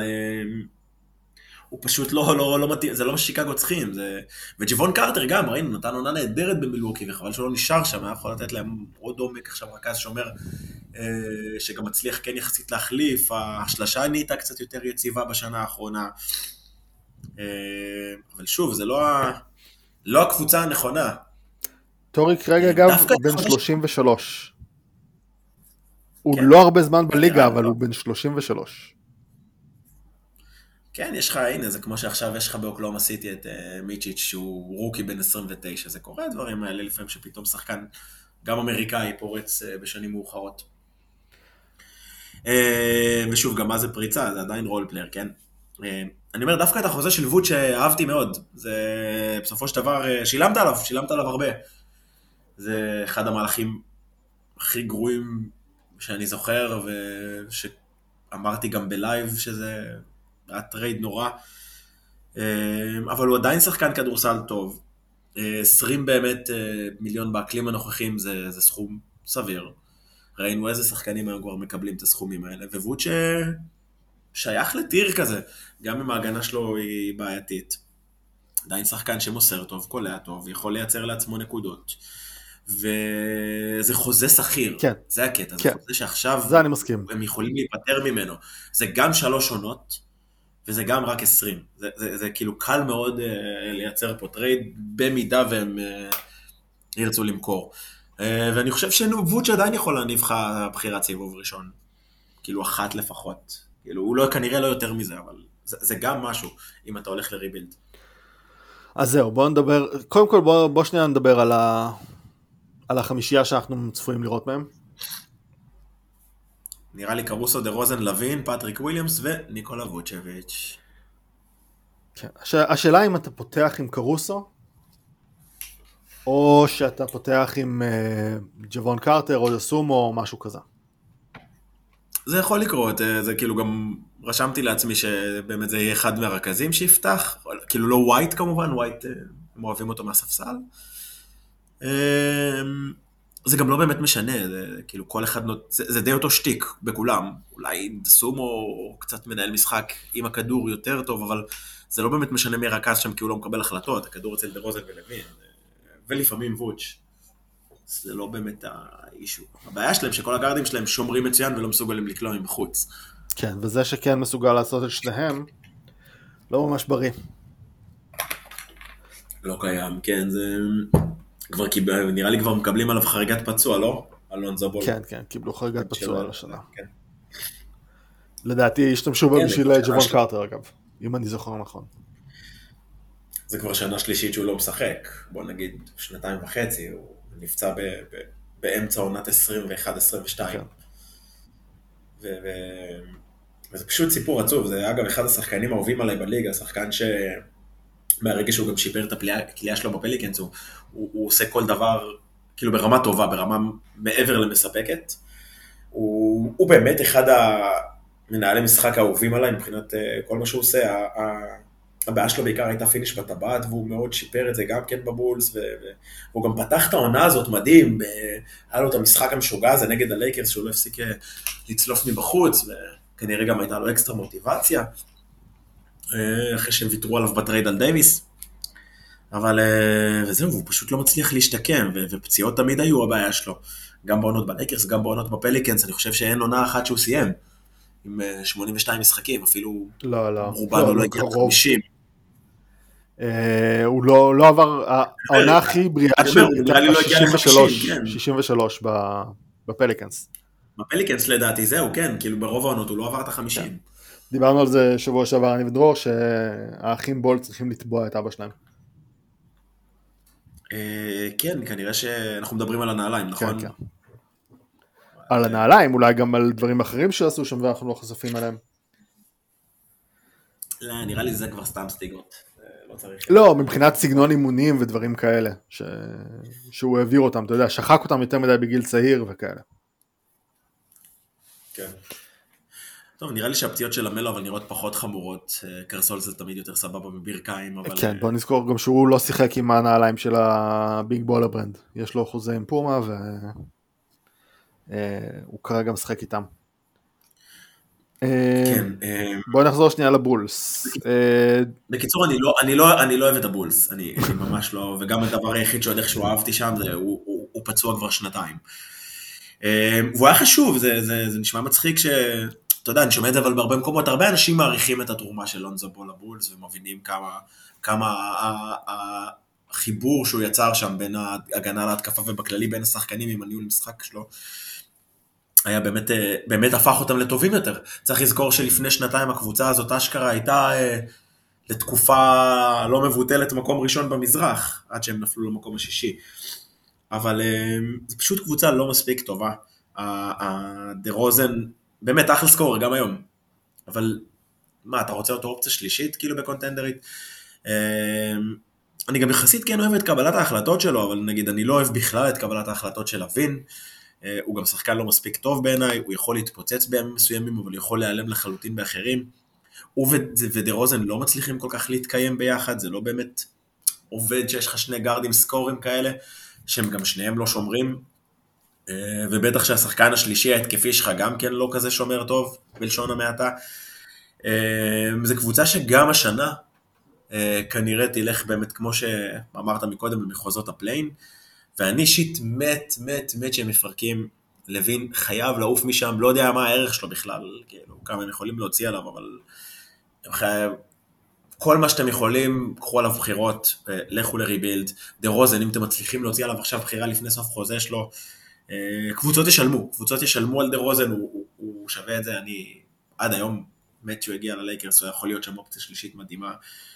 אה, אני חושב שגם קבוצות עדיין ישלמו לו לא מעט כסף בשנה הבאה. זה לא, זה לא שחקן שגמר את הקריירה שלו, הש... בתור שחקן מוביל. אתה רואה את שיקגו נותנים לו, קודם כל בוא נזכיר שהוא בן 34, Uh, אתה רואה את uh, שיקגו, uh, נותנים לו נניח חוזה סטייל מה שהם נתנו לווץ'? אני רואה את זה, השאלה אם הוא ייקח את זה. אני חושב שעדיין יש לו ערך בליגה. Uh, השנים האחרונות, דווקא לא מבחינה אישית, הם, הם לא עשו רע. Uh, מה לעשות שהוא בסיטואציה מחורבנת, אבל הוא רוצה את הכסף. אני מקווה בשבילו שהוא יחפש סיטואציה טובה, אה, גם אם זה אומר אה, פחות כסף, כי הוא עשה הרבה כסף בקריירה שלו. גם הרבה אנשים, אה, אתה יודע, הופתעו שהוא קיבל את ה-90 מיליון לשלוש עונות הזה מהבולס, אבל מה שנקרא, הוא שיחק ברמה. אני חושב שמבחינת דה רוזן הוא היה בסדר. פשוט צריך לדעת מה הוא. זה לא, הוא לא יהיה זה שיוביל אותך לניצחונות, הוא לא יהיה הכוכב הראשון, הוא לא יהיה... הוא, הוא יהיה פשוט scorer על, בעיקר מה mid-range מן הסתם, הוא עד היום עושה את זה הכי טוב בליגה. והוא צריך לבוא במערכת שבה הוא האופציה, במקרה הכי גבוה היא השנייה, אבל האופציה שלישית במקרה הטוב, עדיף, במקרה האידיאלי, סליחה, לא במקרה הטוב. ו... ואתה יודע, והוא, והוא יכול לדע, ויש לו אופי של להשתלב בקבוצות כאילו טובות, הוא גם שיחק בקבוצות טובות אה, בקריירה שלו פשוט בתור כוכב ראשון, כשכל הנטל נופל עליו ושההגנות מתמקדות רק בו, הוא יותר מתקשה. אה, גם הניהול משחק שלו מאוד השתפר בספיירס, ראינו את זה שהוא יודע למצוא דרך ה double team, ראינו אותו מתחיל לנהל התקפות וכן אה, למסור בצורה טובה, אבל זה עדיין לא איזה מנהל משחק עילאי, עדיין זה לא השחקן שהייתי רוצה שיקבל את ההחלטות. אוקיי, okay, ואם אנחנו מדברים על סגנון המשחק שלו, אז שיקגו היו לפני האחרונים שנה שעברה בתדירות זריקות משלוש, הם זרקו הכי הרבה מה mid-range הארוך והם היו במקום אחד לפני האחרון גם בריבאונד התקפה. אמ, לא צריך להיות איזשהו שינוי יותר משמעותי בסגנון משחק שלהם בשביל שאנחנו נדבר עליהם בתור אה, קבוצה שבאמת יכולה להגיע לפלייאוף? אמ, תשמע, זה כבר... אה, פוטטו פוטטו, ברור שאם הם יזרקו יותר שלשות יהיה להם יותר קל, אבל מי אתה רוצה שיזרוק שם? כאילו רק זק לוין ווץ' בערך, זה לא... אה, בסופו של דבר, אתה יודע, מן הסתם עכשיו אם סביב דה רוזן יהיה קלעים, יהיה לו יותר קל, גם הצבע יותר פתוח, יהיה לו יותר קל להגיע לנקודות שלו. אה, ההתקפה תהיה יותר שוטפת, כאילו זה לא... גם יהיה יותר קל להגיע לצבע, בוא. זה, זה לא... זה די obvious, זה לא באמת צריך לשאול, אנחנו רואים לאן הליגה הולכת, ו... ו- ומי משחק היום בליגה, או רוב השחקנים היום אה, קולעים באחוז סביר. ולשיקגו אין את ה... אין את השחקן הזה, יש להם, השחקן היחיד שבאמת יכול לקלוע שלשות ברמה גבוהה זה זק לוין. וזק לוין גם הרבה פעמים, זה מצב שהוא לא זורק אותן בשטף, הוא פשוט משתולל וזורק אותן. זאת הבעיה. אז כן, אני מסכים איתך, זה, זה מאוד יקשה, ומצד שני, אנחנו מדברים פה על קבוצה ש... אנחנו לא באמת חוזים לפלייאוף, אנחנו חוזים לה... להסתובב במחוזות האלה של ה-10-9. יש לו מספיק כישרון עדיין כדי להיות ב... ברמות האלה, ונגיד כן שאני ארצה לדרג אותם מעל קבוצות כמו דטרויט, שרלוט ו... ואפילו אינדיאנה. אבל אנחנו מבינים ש... שזו קבוצה פשוט מבאסת, כי בניגוד לאינדיאנה שיש לה עתיד ויש לה שחקנים מגניבים, פה יש שחקנים, למה אמרתי מגעילה? כי, כי הם בלימבו המגעיל הזה של לא, לא לקבל בחירות טובות. והם גם ויתרו על חלק מהן ב trade על ווץ'. הם פספסו, אה, נראה לי את אנטוני בלק ואת אה, פרנץ וגנר, נכון? זה שתי הבחירות שהלכו. נכון, אני לא זוכר.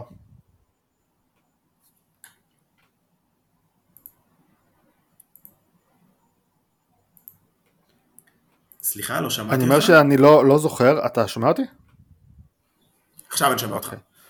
אני, אמ, קודם כל בנוגע ל... שנייה, הם ויתרו על וגנר ועל ג'ט האווארד. ג'ט האווארד. אמ, מה שאמרתי קודם זה שיש בשיקגו גם קלעים. פטריק וויליאמס שנה שעברה קלע למעלה מ-40% מהשלוש. אה, קרוסו וקובי ווייט הם שני קלעים מעל הממוצע. העניין הוא פשוט לקבל החלטה שתמצא את הקלעים האלה ולא ללכת על ה mid-range בהכרח. נכון, שכחתי באמת קצת מקובי ווייט אה, בתור קלעי. אה, פטריק וויליאמס יכול לרווח, הוא לא... לא חושב שזה מספיק sustainable, אני צריך לראות את זה למשך יותר זמן. וקרוסו לא קלעי, אני מתנצל, קרוסו יכול, קרוסו פשוט צריך כאילו כן לזרוק כשהוא פנוי. אבל זה לא שחקן שאני סומך עליו מה, מהטווח הזה. אמ, אבל כן, ככל שהוא יזרוק זה... אין בעיה, המטרה, המטרה היא למצוא את, למצוא את השחקנים האלה בנקודות האלה. ו- ונכון, וזה מה שבאתי להגיד, בגלל זה כן עדיף שהוא יזרוק, ו... אז אתה בעצם טוען שכן יש להם את הכלים. אה, אני עדיין חושב שאין להם קצת את הכלים לזה, אבל בוא נגיד שאם הם כן ישחקו ב... ב... וזה גם מה שהתחלתי גם להגיד מקודם, אם כן ישחקו בסגנון שהם משחקים יותר פתוח, אז כן, זה יגדיל את הסיכויים שלהם כי זה obvious, זה, זה, זה כל קבוצה עושה את זה.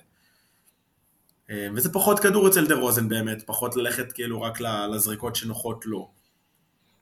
כן, אגב, בהקשר הזה, ג'וון קרטר יכול להיות תוספת לא רעה, הוא בשל... שנה שעברה היה 42% מהשלוש, שנה לפני זה 39, אמ, יש לו את היכולת. וגם אחוז שלו גבוה בקאצ' אנד שוט. יש לו, את היכולת. טוב, בואו בוא נמשיך הלאה, כי הזמן שלנו יחסית קצר. Uh, קודם כל מדד ליג פאס. שיקגו אחד, באמת, אני לא אראה את הקבוצה הזאת. אני לא אראה אותם. אני מסכים. לא, באמת. Uh, טוב, אנחנו עוברים לקבוצה אחרת שבעבר uh, כונתה The Mistake by the Lake, קליבלנד. Uh, סיימו במקום הרביעי במזרח, 51 ניצחונות והודחו בסיבוב הראשון. Uh, ההחתמה הכי גדולה שלהם בקיץ הייתה מקס סטרוס, uh, שהגיע ב sign and trade, ובמהלך הזה הם ויתרו על צ'די אוסמן. Uh, קריס לברט הוחתם מחדש, והם החזירו את uh, טריסטן תומפסון.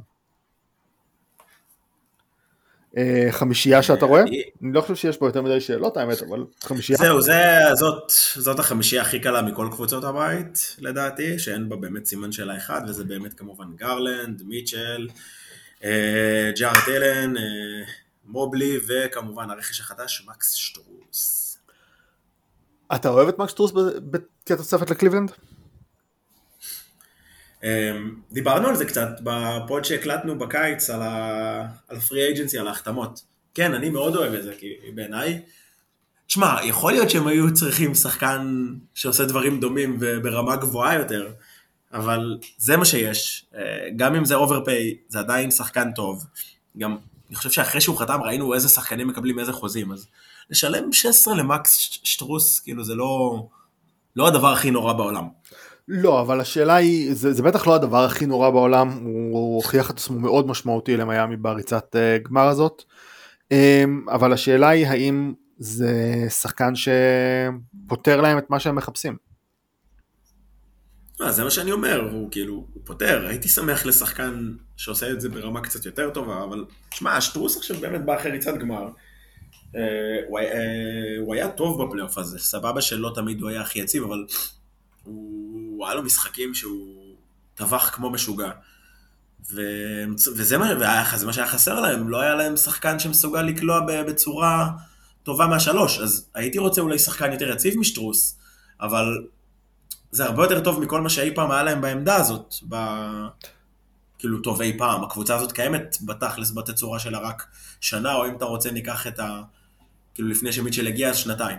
הם צריכים מישהו שיכול לספק קליעה אה, טובה מהשלוש, והיה עדיף גם wing ששומר יותר טוב, אבל הוא שומר בסדר. מה אחוז השלוש של לא מקס סטרוס בפלייאוף?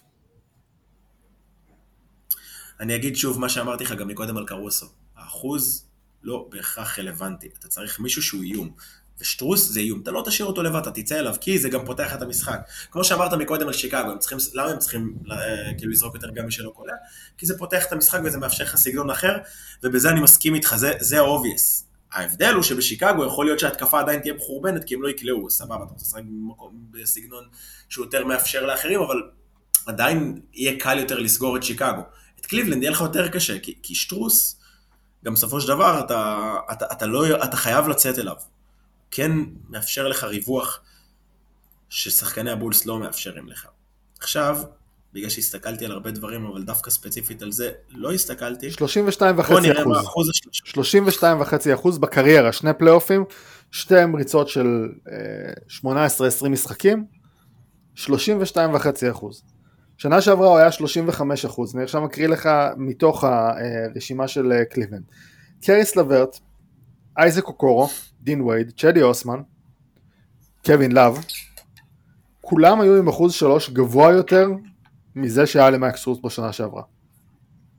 ושטרוס עדיין קלע יותר טוב מהם. שהרבה יותר מפחדים ממנו ויוצר הרבה יותר פאניקה מהם. זה, אני, אני עכשיו לא נבדוק את זה כי זה גם ייקח טיפה זמן, אבל אני די בטוח ששטרוס, רוב השלשות שלו, אה, נגיד לעומתם לפחות, הם השומר במרווח הרבה יותר קרוב. אוקיי. Okay. כי הוא, מייצר הרבה, כי הוא מייצר הרבה יותר פאניקה. סבבה, נכון, הוא זורק גם הרבה catch and shoot, הוא גם כן זוכה מן הסתם לזריקות, לזריקות מההפקר, אבל בקליבלנד יהיה, הרבה יותר, יהיה לו הרבה יותר מבטים. בסופו של דבר במיאמי הוא היה אחת מהאופציות הראשונות יחסית. הוא לפעמים גם היה יכול להיות האופציה השלישית אחרי באם וג'ימי. פה זה לא יקרה, ואני באמת מאמין ב, ב, בהתקפה של הקאבס, אה, הרבה יותר ממה שאני מאמין ב... ביכולות של מיאמי. מיאמי, מה שהם עשו בפלייאוף האחרון זה להוציא מים מהסלע, זה... סליחה על הקלישאה החבוטה. דרך אגב, אני אה, רואה עכשיו ששכחתי לכתוב בתוספות שקליבלנד עשו את אה, ג'ורג' ניאנג, והוא דווקא יכול להיות תוספת משמעותית. בדיוק בהקשר הזה. ג'ורג' ניאנג, ושוב, גם על זה אז דיברנו, שהם ביחד, גם טכנית גם ניאנג יכול להיות ארבע, קצת יותר משטרוס. והם יכולים גם להיות ביחד ולייצר בכללי הרכבים של ריווח. שזה משהו שלא היה לקליבלנד, ו... ו... ואני מאוד אוהב את שתי ההחתמות האלה, אגב, אם כבר הכנסת את ניאנג. ואגב, גם, זה, כמה הוא קיבל? 27 ל-3, גם כן, אחלה חוזה. כן, קיבל חוזה טוב. אוקיי. אה, דונובין מיטשל. יש כל מיני, הוא זכאי עכשיו להארכת חוזה בעיקרון. אמ, הוא בינתיים לא עושה סימנים של אה, אני הולך לחתום על זה. אה, ומצד שני צריך לומר שבקליבלנד לא נראה שמתרגשים מזה, זאת אומרת נראה שהם די בטוחים שהם כן יצליחו להשאיר אותו. אתה חושב שיש מה לדאוג מזה, מעזיבה של אה, מיטשל? האמת שאני חושב שלא, אני גם כן מהאסכולה הרגועה יותר, כי בסופו של דבר לא הרבה כוכבים מיד חותמים אה, בחוזה השני שלהם על הערכה מוקדמת, בטח כשהם מוכחים, אה, וכשהם עדיין צעירים. אה, גם כי הוא פשוט יכול לקבל יותר כסף בשנה הבאה, אין לו סיבה לחתום נכון. על הערכה הזאת. כן. הוא, יכול, הוא גם יכול, הוא יכול לקבל אקסטרה שנה גם, עכשיו הוא, כשהוא חותם הוא יקבל ארבע שנים במקסימום, כשהוא אה, כאילו כי זה חוזה מקסימום אז הוא לא... אגב, ראית, נכנס את החוק החדש הזה, אני לא הכרתי את זה, את הערכה של וסל, שאם אתה חותם על הערכת חוזה שהיא לא, שהיא לא מקסימום, אז אתה יכול לתת uh, בהערכה שנה חמישית. אה, לא, לא, לא ראיתי את זה. אז בגלל שמיטשל כן יחתום על חוזה מקסימום, הוא לא זכאי לשנה החמישית בהערכה, ואם הוא יחתום עליה שנה הבאה, כן יכול לקבל אותה, וגם יקבל יותר כסף. אז אין לו באמת סיבה לעשות את זה. Um, אני לא חושב שרע לו בקליבלנד, אתה, אתה זוכר כאילו את כל הדברים שהוא אמר, איך שהוא עזב את יהודה והגיע לשם, הוא מאוד התחבר לשחקנים, ו- וגם ראית איך הוא פתאום היה נורא מחויב הגנתית, ו... והוא נורא נהנה שם, אני לא רואה סיבה שפתאום, לא, לא טוב לי בקבוצה הטובה הזאת, אני רוצה לניקס. אני באמת לא רואה את זה קורה. תראה, ספציפ... זה... יש הדלפות כל הזמן שהוא עדיין חושב על להגיע לניו יורק, יש לו הרבה קשרים בניו יורק, הרי אבא שלו ב... בתפקיד באחד מהקבוצות הבייסבול בעיר, וספציפית בניקס יש שם את ג'וני בריינט שהוא היה המאמן האישי שלו, אחראי לא מעט על הפיתוח שלו ביוטה. אני לא יודע אם זה באמת יקרה, לא יודע אם זה אה, משהו רלוונטי, אבל אני... אני חושב שזאת כן תהיה במקום מסוים עונה, עונת מבחן עבור קליבלנד, לראות אם הם מצליחים להתקדם, כי יכול להיות שהם גם יבינו שאוקיי, הקונספט הזה של שני ביגמנים שהם שני ביגמנים מסורתיים, זאת אומרת לא כאלה שיותר מדי מרווחים וכן הלאה, ושני גארדים שהם לא גדולים, יכול להיות שזה לא קונספט שאפשר להתקדם איתו יותר מדי. אמ, זה מעניין, כי אני דווקא כן אוהב את הקונספט הזה, ולאו דווקא כי, כי שני ביגמנים, זה כי, פשוט כי מה שמובלי יכול אה, לספק.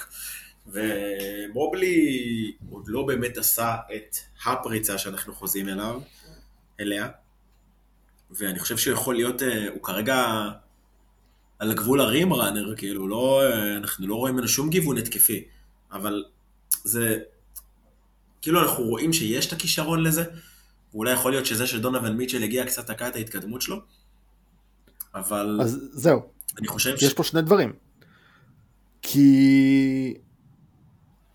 אה, עוד פעם, אני מצטט מאחד הפודקאסטים, אני לא זוכר מאיזה, שמדברים על זה ששחקנים שלא מצליחים להתפתח ונבחרים גבוה בדראפט הם בסטים. אבל תמיד מאשימים את השחקנים, אף פעם לא מאשימים את המערכת שלא שמה אותם בעמדות שבהם הם יכולים להצליח. ולכן יכול להיות שלשים את אבן מובלי ליד עוד גבוה דומיננטי שלא מרווח את המשחק וליד שני גארדים שהם מאוד בול דומיננט זה מפתח, זה תוקע את ההתפתחות שלו. אה, כן, אני מסכים, אני לא, אני לא בא בטענות למובלי אמת ספציפית, כרגע לפחות, אני, כמו שאתה רואה, אני כן יותר מכיר ב, פשוט בסגל של הקו, אז כאילו זה, אתה רואה אצל מי נמצא הכדור, אבל מובלי יכול להיות מגוון, זה שחקן שכן תיאורטית יכול לקלוע מבחוץ, אני מצפה שישפר דווקא את משחק המיד ריינג שלו. אה, הוא יכול לשחק עם הגב לסל, עם הפנים לסל, בתקווה שהוא גם יתחזק עוד קצת הקיץ, כי הוא קצת דק. אבל הוא כבר עכשיו מפלצת הגנתית, והוא שחקן חשוב במערך הזה. וכל קפיצה התקפית שלו זה, זה תהיה התקדמות של, של קליבלנד בפלייאוף. כאילו נכון, על קליבלנד אנחנו כבר לא, לא מדברים בהקשרים של עונה רגילה, זה לא מעניין אחרי מה שראינו בעונה האחרונה. אנחנו מדברים רק בהקשרים של איך הם מצליחים להשתפר בפלייאוף. אז אוקיי, זה בעצם מוביל לשאלה הבאה של אה, מה התקרה שלהם בפלייאוף. אז אני, בגלל שאני מאוד אוהב אותם, ואני תמים, ואני ממש אה, לא חושב שהסדרה נגד הניקס הייתה מייצגת, אני... טוב, יש לך כרגע שתי מפלצות במזרח, לאחת מהן עוד נגיע.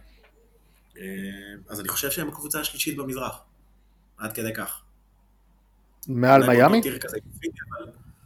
מעל מיאמי בטוח, השאלה אם מעל פילי. וכן, בגלל בעיות של... אה, הם יותר צעירים, יש להם גם יותר אפסייד, ואני מאמין ששטרוס כן סותם להם שם חור חשוב, ואני כן מאמין שהקבוצה הזאת לא תקרוס הגנתית כמו שהיא קרסה מול הניקס. ואני, אתה יודע, מה שקרה לג'רד אלן זה, זה, זה הזוי, כאילו, הבן אדם לא, לא הצליח לתפקד מתחת לסל, הוא לקח ריבאונד, אה, קלע באחוז, כאילו, בקושי זרק גם מתחת לסל, כאילו. ו- וזה לא שלא... זה לא שהיה, כאילו, זה משהו שעשו עליו מיוחד. לא, הניקס פשוט מאוד תקפו את, הריבאונד התקפה באופן עקבי. וזה מאוד הקשה עליו. כן, אבל, אבל, שח, אבל שחקן כמו ג'ארד אלן לא אמור ליפול בזה. שחקן כמו ג'ארד אלן שהוא אחד הריבאונדרים הכי טובים בליגה, אה, וגם בשנה שעברה, מה הוא היה? זה מקום אה, שני, שלישי, כאילו, בריבאונדים למשחק. כן, אבל אם אני זוכר לא, נכון, הם היו, הם היו קבוצת ריבאונד. שנה שעברה לא, סליחה, שנה שעברה הם... אה, הם היו קבוצת ריבאונד לא טובה, אם אני זוכר נכון. לא, אגב, התבלבלתי, זה השנה לפני זה, שנה שעברה הוא היה עם איזה 9.8 ריבאונד למשחק, אבל שוב, אתה עדיין הוא חי לצד מובלי, ושניהם ריבאונדרים טובים. וקבוצה שיש לך שניים כאלה לא אמורה לחגוג ככה בריבאונד, לא משנה כמה היא קבוצת ריבאונד התקפה טובה. אה, והם לא הצליחו לסגור את ברונסון, שאני חושב שעם כל הכבוד לג'לן ברונסון, אה, זה שחקן שהוא all-star, fringe all-star, עדיין לא באמת קבוצה, שחקן שמסוגל לסחוב קבוצה, כמה שמתלהבים ממנו וכמה שאוהבים אותו. שים לב שהוא אחד השחקנים שלא דיברנו עליהם כשדיברנו על ה top 10 רכזים. אה, הוא היה ב top 10, כאילו... אגב, של, אה, של אה, טיג. כן, הוא המקום עשירי, קראתי את הרשימה הזאת, אבל הוא לא צריך להיות. תשמע, הוא, הוא אחלה שחקן, כן, אבל זה לא שחקן שאמור להתעלל לך ב... כאילו, לא שחקן שאמור לפרק לך קבוצה טובה. והוא עשה את זה, הוא ממש פירק את קליבלנד, ואני, זה, זה אחד ה... הטעויות הכי גדולות שהיו לי כאילו בהימורים על, על הסיבוב הראשון. ו- ועד עכשיו אני בהלם מזה, ואני חושב שזה מה שנקרא חבלי לידה של קבוצה צעירה, שרובם בה לא חוו פלייאוף, אה, ודווקא מהשניים שכן חוו פלייאוף, שזה דונובין מיטשל וג'ארד אלן, ציפיתי ליותר. אז אלן זה, זה קצת סימן שאלה, אבל אני בהחלט מאמין שהוא יכול להתאושש, ומיטשל, אני בטוח שהוא יתאושש. כי זה באמת לא אופייני, זה לא שחקן שלא ראינו אותו כבר נותן תצוגות במעמדים האלו, הוא פשוט קרס התקפית ו... ו... ו... ולא יודע מה היה שם, הוא היה מאוד לא יציב, וזה לא אופייני לו. אוקיי. Okay. אז גם זה אני מאמין שישתפר, אנחנו לא נראה תצוגה כזאת, גם נראה עוד שנה של כל הסגל הצעיר, אה, בתוספת גם שחקן שעשה ריצת גמר עכשיו, זה גם כן אה, משנה. גם כן יכול להחדיר בהם איזשהו רעל, איזושהי מוטיבציה, איזושהי לידרשיפ, וכאילו באמת, אה, אתה יודע, לפקס אותם כשהם מתפרקים וכדומה. אה, ו... ומעל הכל, הדבר הכי חשוב זה כמה גבוה שמובלי ישתפר בעונה הזאת, זה, זה לשם הם הגיעו. עם החלק האחרון אני מסכים, אני חושב שהם אה, כן יכולים ליפול מול קבוצות יותר פיזיות עדיין בפלייאוף. שזה כולל את הניקס, זה כולל את מיאמי, ואולי במידה מסוימת גם את פילי. אמ, דווקא פיזיות עם שני החוזק שלהם, זה שהם נפלו על פיזיות, אני, אני באמת, אני לא רואה אותם נופלים אבל הם שכיפים. זה פשוט לא הגיוני. אבל הם שכיפים. מובלי, סבבה, הוא טעון אה, עוד שיפור בחוזק, עוד אה, עליית מדרגה. אלן, לא, הוא לא חלש. ג'ארט אלן המרכז קודם שלו הוא באפרו, על מה אתה מדבר איתי בכלל? לא, הוא חזק, הוא לא כזה שכיף, לא נכון, לא מסכים איתך. למיטשל רובינסון יש דעות אחרות. מה מדד הליג פאס? קבוצה מאוד מעניינת, אני כן אוהב אותם, אני גם אמרתי לך, אני מאוד מאמין בהם, וארבע. ארבע, טוב, אני אאזן אותך לצד שני, מבחינתי הם שתיים וחצי. הם, הם קבוצה, הם, הם, יסלח לי דונלד מיטשל, אבל הם מאוד מזכירים לי את יוטה, הם קבוצה טובה, אבל שלא באמת מאיימת על אף אחד. אה, כרגע באקלים של המזרח לא, הם לא מאיימים על אף אחד. האמת שלא דיברנו בכלל על גרלנד, אבל אה, בואו נראה כאילו עוד עונה כזאת טובה של גרלנד, ורק שיצליח להביא את זה לפלייאוף. טוב, אנחנו בקבוצה האחרונה של האזור, אחת שעשתה בשבוע שעבר איזה שינוי קטן ולא משמעותי, אז סיימו המקום הראשון במזרח והודחו בסיבוב הראשון מול מיאמי. אמ, מילווקי בקס. אה, צריך לדבר על השינויים המשמעותיים שהם עברו? או, ש... לא או שזה עכשיו כבר... במסגרת ה-common knowledge. לא, זה סבבה, common knowledge גם... אה, למרות שנראה לי לא היה pod, pod חירום בנושא, אבל כן, מן הסתם... אה, כן, בגלל שזה היה 24 שעות אחרי הפודקאסט הקודם שהקלטנו, אז אה, לא, כן. לא יצא. אז כן, אז הנה, הזכרנו את זה, גם אני הזכרתי את זה, זה היה רגע השבוע שלי. אמ, בוא נזכיר עוד כמה שהגיעו בינתיים. יש את מליק ביזלי, שהוא יכול להיות תוספת, אה, מה שנקרא, נחמדת. אה, הגיע גם אה, קמרון פיין. שנחתך בידי הספרס, ובסיטואציה הנוכחית שמשווים לכל שחקן שיודע לכדרר בערך, אז הוא גם כן החתמה לא רעה. וסך הכל, מה, ברוק לופז עם הארכת חוזה, גם מידלטון עם הארכת חוזה, טיי טיי וושינגטון כרגע עם חוזה דו-כיווני, אחרי שהוא עבר בערך את כל הליגה בקיץ הזה. אה, ומי עוד נשאר מעניין? אה, קראודר חזר. קראודר חזר לעונה אחת, כן, אה, מינימום. כן, סך הכל, אה, מן הסתם, אני מאוד מאוד מאוד אוהב את הקיץ של מילווקי, כאילו אחרי הטרייד הזה. לפני זה, אני זוכר, יצא לי לדבר קצת עם דרור, דיברנו על, היח... על הלחץ שיאניס מפעיל ועל מילווקי, אז... ואמרנו שהקיץ היה כאילו החתמות כזה קטנות בשוליים, חביב, לא, אולי יעבוד, אולי לא. אז עכשיו ההחתמות בשוליים האלה גם כן מתחברות למהלך גדול, אז זה קיץ מצוין בעיניי, מן הסתם, אמ, בלשון. כן, אז זאת אומרת, אני לא... הם כן ויתרו על, על עומק. זאת אומרת, דיברנו קודם על ג'וון קרטר שהגיע לשיקגו. אמ, רגע, לפני הטרייד הם לא ויתרו על עומק? הם ויתרו, בוודאי שהם ויתרו. אבל... זאת הבעיה, כן, כן, לא, הבעיה היא לא הטרייד. לא, לא, הבעיה היא לא הטרייד. אני מדבר על באופן כללי על הקיץ שלהם כ... כ... כמשהו כללי. אמ, אז הם ויתרו על עומק, גם ג'ו אינגלס, למרות שהוא לא היה מאוד משמעותי בשנה שעברה, גם כן עזב. אמ, אני אהבתי את מה שהוא נתן להם, זה כאילו קצת חבל לי שהוא עזב, אבל... Uh... אתה יודע, גם אני הייתי שמח לקבל 12 מיליון דולר על העונה בשביל להיות מנטור. כן, מבחינתו זה בטח היה מוצדק.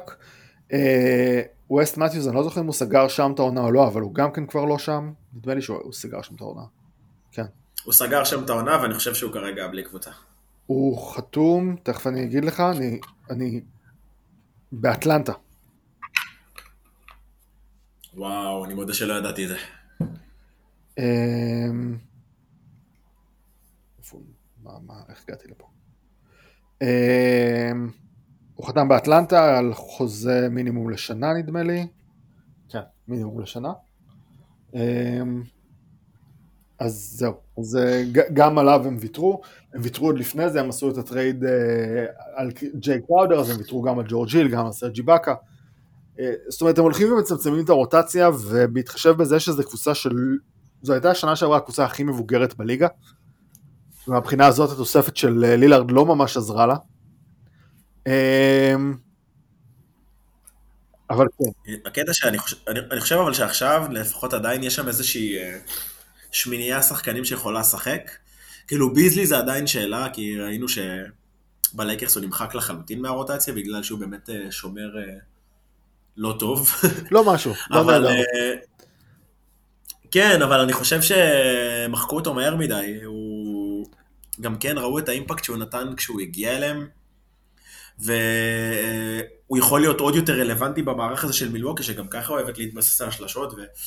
ו... ולרווח סביב יאניס, ועכשיו זה יהיה עוד יותר קריטי כשאתה תרצה לשחק pick and roll בין לילארד ל- ליאניס כחוסם, ו... ו... ועוד דבר, אתה הרווחת פה עכשיו את מידלטון כ... כ role player. שזה יכול להיות דבר יותר טוב. כאילו הוא עדיין יהיה יוצר משני, שלישי, אבל אנחנו נראה אותו פחות עם הכדור, נראה אותו יותר בסיטואציות של and shoot, אה, הוא יוכל להתרכז יותר בהגנה. אה, ובכללי, כאילו, זה סוג של, אה, נראה חבורת ווינגים שמקיפה את אה, דיים ו... ו... ויאניס. אז זהו, אז בוא, כאילו, בוא שנייה, לא בוא נלך שנייה זה, מי אתה רואה אותו, אז אנחנו דיים, יאניס, לופז בחמישייה, מידלטון, רביעייה ו- ברורה, והשאלה היא באמת, אה, אז הרביעייה ברורה, והשאלה היא באמת אם זה יהיה ביזלי או קונטון, שיפתחו. אני מניח שזה יהיה קונטון. כי מישהו צריך לעשות הגנה גם, בקו האחורי.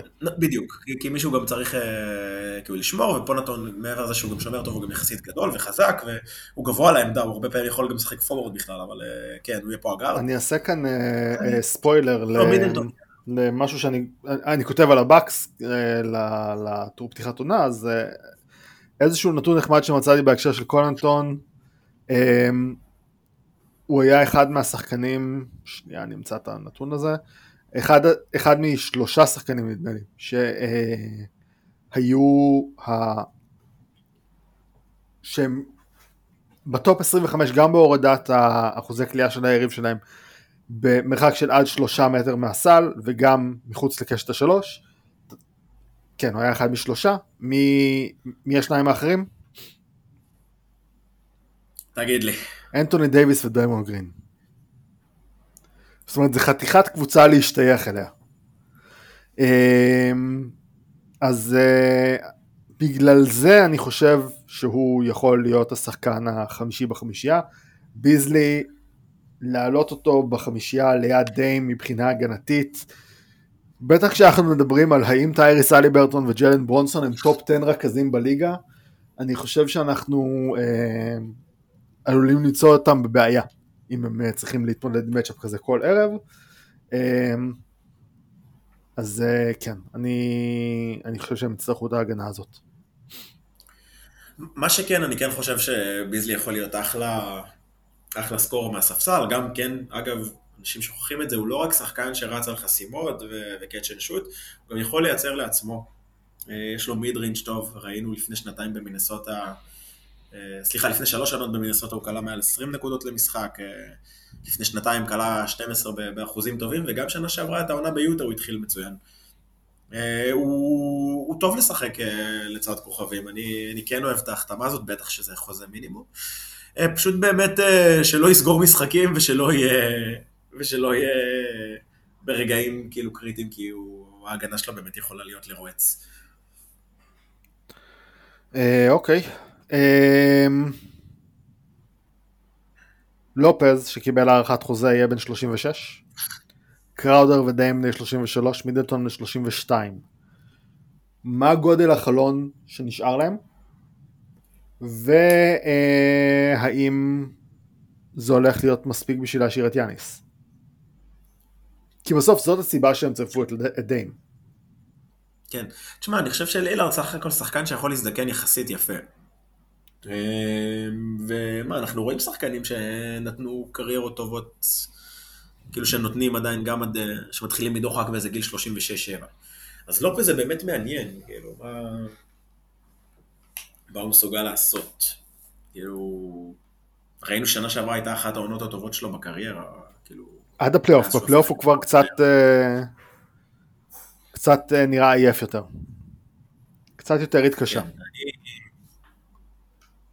תשמע, אני, אחד הדברים שאני שואף אליהם כבר הרבה זמן, למרות שבסגל הזה זה יהיה קצת בעייתי, זה שמתישהו יאניס יתחיל לשחק סנטר. כן. כי פיזית, כי פיזית הוא יכול תראה, לשמור את הסנטר.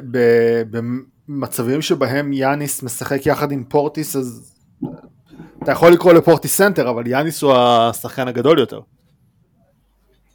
כן, אבל אנחנו לא תמיד רואים את, אה, אנחנו לפעמים רואים את פורטיס עם הביגמנים ולא את יאניס, כי הם עדיין אוהבים את יאניס בעזרה. אבל אה, אתה יודע מה, זה יכול, בעצם אתה יודע מה, זה לא מחייב, פשוט אני לא אוהב את פורטיס כל כך כמגן, למרות שהוא בסדר. אה, וזה מה שקשה לי, ולופז כן מגן טוב. נגיד, כן הייתי רוצה יותר חמישיות למשל, נגיד, כן בוא נראה את קראודר, כאילו בתור הארבע. אה, אם באמת עדיין יש לו מה לתת, ואני חושב שיש לו מה לתת, אנחנו, זה, זה כאילו תהיה, יהיה מבחן גדול לרוטציה בעונה הרגילה. כן. ואז אתה יודע, לי סנטר, קראודר, אה, שהוא אחלה, שומר מגוון גם, אה, שיכול לקלוע, הוא בעיקר shooter מאוד streaky, אבל הוא עדיין יכול לקלוע. קונטון, לילארד ומידלטון. זה גם לא חמישייה הגנתית כזאת רעה, וזו חמישייה שתאורטית יכולה להחליף. כאילו שוב, לילארד לא רלוונטי לכלום, אבל טכנית הם יכולים לעשות סוויצ'ים. ואז יש לך גם גבוה כמו לופז שיכול לגבות לך. אה, למרות ששוב, אתה תקוע איתו על סכמה אחת. אה, ראינו באמת שב-21 הוא כן הצליח קצת יותר לצאת החוצה, ו- ושלא נתקעו יותר מדי על ה drop, ושהוא טיפה באמת הגיע... לא, הוא, עושה, כאילו... הוא, הוא נשאר בדרופ, אבל, אבל יש שאלה אם אתה עושה את הדרופ מתחת לקו העונשין, או שאתה עושה אותו גם מעל לקו העונשין. אה, נכון, אז דרור אומר שזה, דרור, דרור מדגיש שזה תמיד אייס, כאילו אם הוא נשאר על הקו ולא יורד לצבע, זה כזה באמת אייס, כאילו סוג של אייס לאמצע. אוקיי. אה, בסדר. כן, לא משנה, אבל בדיוק אנחנו, אנחנו מדברים על אותו דבר, ו- וזה בדיוק היה ההבדל בין זה שקבוצות תפרו את מילווקי מה mid-range לבין לא. עכשיו, תשמע, אני מאמין שלופז עדיין יש לו מה לתת, כן? אני חושב שהוא, גם אם הוא איבד צעד, הוא עדיין יכול לעשות את זה. בוא נגיד שלא בגלל שהוא שיחק קצת פחות טוב בפלייאוף הם הפסידו. זאת לא הייתה הסיבה. לא. גם צריך לזכור שבערך שלושה משחקים בסדרה הזאת הם שיחקו בלי יאניס. שניים וחצי. לא, הם שיחקו משחק וחצי לדעתי בלי יאניס, ואת המשחק שהם שיחקו בלי יאניס הם ניצחו. נכון. אז, אז... לא, שני משחקים. אבל אחד הם ניצחו, כן. אה, רגע. נכון, סליחה, שני משחקים הוא החמיץ. כן, אחד באמת הם ניצחו כאילו במשחק שהוא לא שיחק בו את כולו, הראשון לדעתי. הר, הראשון, הוא נפצע הרי בתחילת או אמצע הראשון, ואז השני הוא, הוא החמיץ ומילווקי ניצחו, את השלישי... ניצחה. ואת השלישי הוא גם החמיץ. כן. ואז הוא חזר ברביעי חמישי והם שניהם הפסידו אה, אחרי שכבר אה, הובילו בדו ספרתי ברבע האחרון. כן. אמ, אז זה יותר מין breakdown כללי כזה, מאשר באמת שאני יכול להפיל איזושהי אשמה ספצ... ספציפית על מישהו. ובעיקר כמו שראינו, לא... סבבה, נכון, יש לי טענות להגנה שלהם, אבל הבעיה שלהם הייתה פשוט כי שהם לא יכלו לייצר כלום. ברגע שכמה התמקדו ביאניס, אה, פשוט לא מצליח לקלוע. ועכשיו יש להם שחקן שיותר קשה להתמקד בו. ושיכול גם להפוך את יאניס לא ליוצר המרכזי, שיכול להפוך את יאניס בכלל לרולר, אה, שראינו בפלייאוף 21 שזה היה השימוש האידיאלי של יאניס. אז תחשוב שהוא מקבל מנהל pick and roll טיפה יותר טוב ממידלטון, זה, זה, זה מטורף, ו, וזה לא רק זה, זה גם מישהו שאתה יודע, אתה לא יכול, אתה לא יכול לרמות ממנו לרגע, כן. כי הוא פשוט scorer אחד הטובים בהיסטוריה. אז, אז אני חושב ש... אה, יש לקואוצ' ניק אחלה סרטון על, על הצירוף של לילארד, הוא מדבר שם בעיקר גם על העניין של, של הקלאץ' וקבלת ההחלטות, מילווקי הייתה קבוצה רעה מאוד בקלאץ'. בשנים האחרונות. כי זה, זה לא, זה, בכללי כשהתקפה עומדת שלך לא טובה, אז אתה כן, אתה תהיה רע בקלאץ', כי בקלאץ' אתה לא רץ. בקלאץ' זה לא רק זה, זה גם שיאניס כל כך נלחץ מזה שיעשו עליו עבירות שהוא בורח מהכדור, ומתי שהכדור מגיע אליו הוא ממהר להיפטר ממנו, ויש לו אה, יחס איבודים מאוד מאוד רע בדקות האחרונות בקלאץ'. אה, אנחנו זוכרים שהוא כמעט זרק את הכדור החוצה לקראת סוף הפוזיישן האחרון במשחק החמישי, במשהו שבסוף לא הצליח אפילו להגיע לזריקה בזמן. אה, שינוי אחד שלא דיברנו עליו זה ההחלפה בעמדת המאמן. אה, הם פיטרו את בודנהולזר, כנראה שבאמת הגיע הזמן כבר להגיד ביי, והם מינו את אדריאן גריפין, שהיה עוזר מאמן בטורונטו, אמ, אבא של איי-ג'יי גריפין, שלדעתי נמצא עכשיו באטלנטה, או שהוא עבר כבר, אני לא זוכר. לא, לא, הוא לא עבר, הוא עדיין באטלנטה. אמ, ואחד מהדברים שהוא דיבר עליהם זה קודם כל הנעת כדור יותר בהתקפה, שזה אני רואה איך זה מסתדר גם עם לילארד למרות הדימוי הסוליסטי שלו, הוא היה השנה שעברה top 15 בזריקות ביציאה מחסימה ומתוך מבחינת volume, ומתוך 15 האלה הוא היה אה, הכי טוב באחוזים.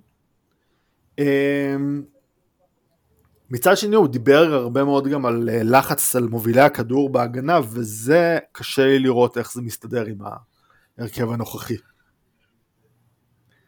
אה, אתה יודע, יש דברים שצריך להגיד. אה, תראה, לזכותו ייאמר שהוא אמר את זה לפני הטרייד. אתה יודע, כשהיה לו את גרייסון אלן, שהיה לו את גרייסון אלן, שאתה אומר, אוקיי, הוא יכול לרדוף אחרי מוביל הכדור. אמ, נראה לי פחות ריאלי שלילארד ומידלטון יעשו את זה.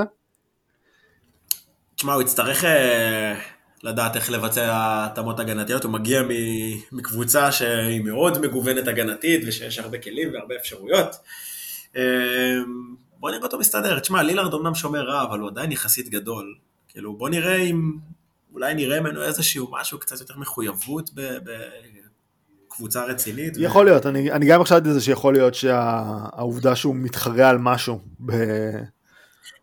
כן, אבל הוא גם בן 33 וזה לא שהוא באמת שומר טוב. אה, לא. אני, לא. אני כן כאילו משתדל לשמור על ציפיות נמוכות. כן. בהיבט הזה.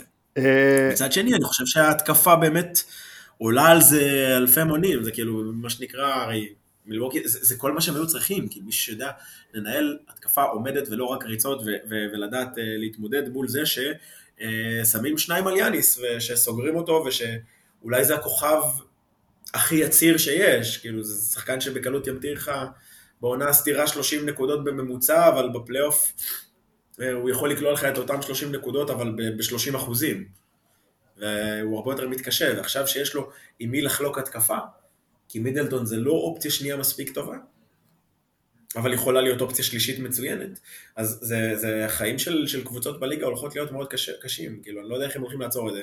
יאניס אולי זה הלוב פרט האידיאלי, אה, הוא גם יכול להיות מגוון כשהוא מקבל כדור אחרי זה, כאילו ב pick and roll, הוא לא רק finisher, כי הוא גם בעצם יודע לשחק כגארד וכמנהל משחק, והוא יכול, לא יודע, לקבל כאילו מיסמצ'ים טובים אחרי זה בפוסט אחרי חילופים, ו... ו... והם פשוט הולכים להתעלל כאילו פנים חוץ, פנים חוץ ככה בכולם. Mm-hmm. ותוסיף להם שלושה קלעים מסביבם, גם חמישייה של, אמרו לי שאין שחקני catch and shoot במילווקי. מה רע בלופז מיידי שלשות, ובמידלטון מיידי שלשות מסביב, ובקונאטון, או קראודר, או ביזלי. זה, זה כאילו, זה, זה ריווח מקסימלי.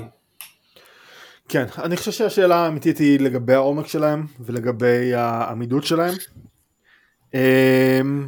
בהקשר הזה... זה, זה בעיקר עמידות, כי אני מתחיל להיות סבבה גם עם העומק, זה, בוא נגיד, הנה, אז יש לך שחקנים שכאילו שישי, שביעי, שמיני, זה יש לך את פורטיס, פיין ו, וביזלי, זה, זה בהחלט סביר. כאילו צריך אה, ביזלי סימן שאלה של מה הוא יכול לתת בפלייאוף בתור שחקן ספסל, אחרי שהלייקרס מחקו אותו, אבל כבר דיברנו על זה מקודם, ואני כן חושב שיש לו מה לתת, ושהלייקרס גם כן קצת אה, מחקו אותו מהם. כן, תראה, יש לנו פה שאלה מעמית זרח, האם אה, ג'יי קראודר יכול לתת איזה 15 דקות למשחק בפלייאוף? ואני חושב שגם יותר, לפני עונה הוא היה טוב ופתאום בעונה האחרונה הוא לא רלוונטי, זה רק בגלל שהוא לא פתח מחנה אימונים. היה לו את האישוס שלו עם מונטי וויליאמס והוא חיכה ל trade עד פברואר.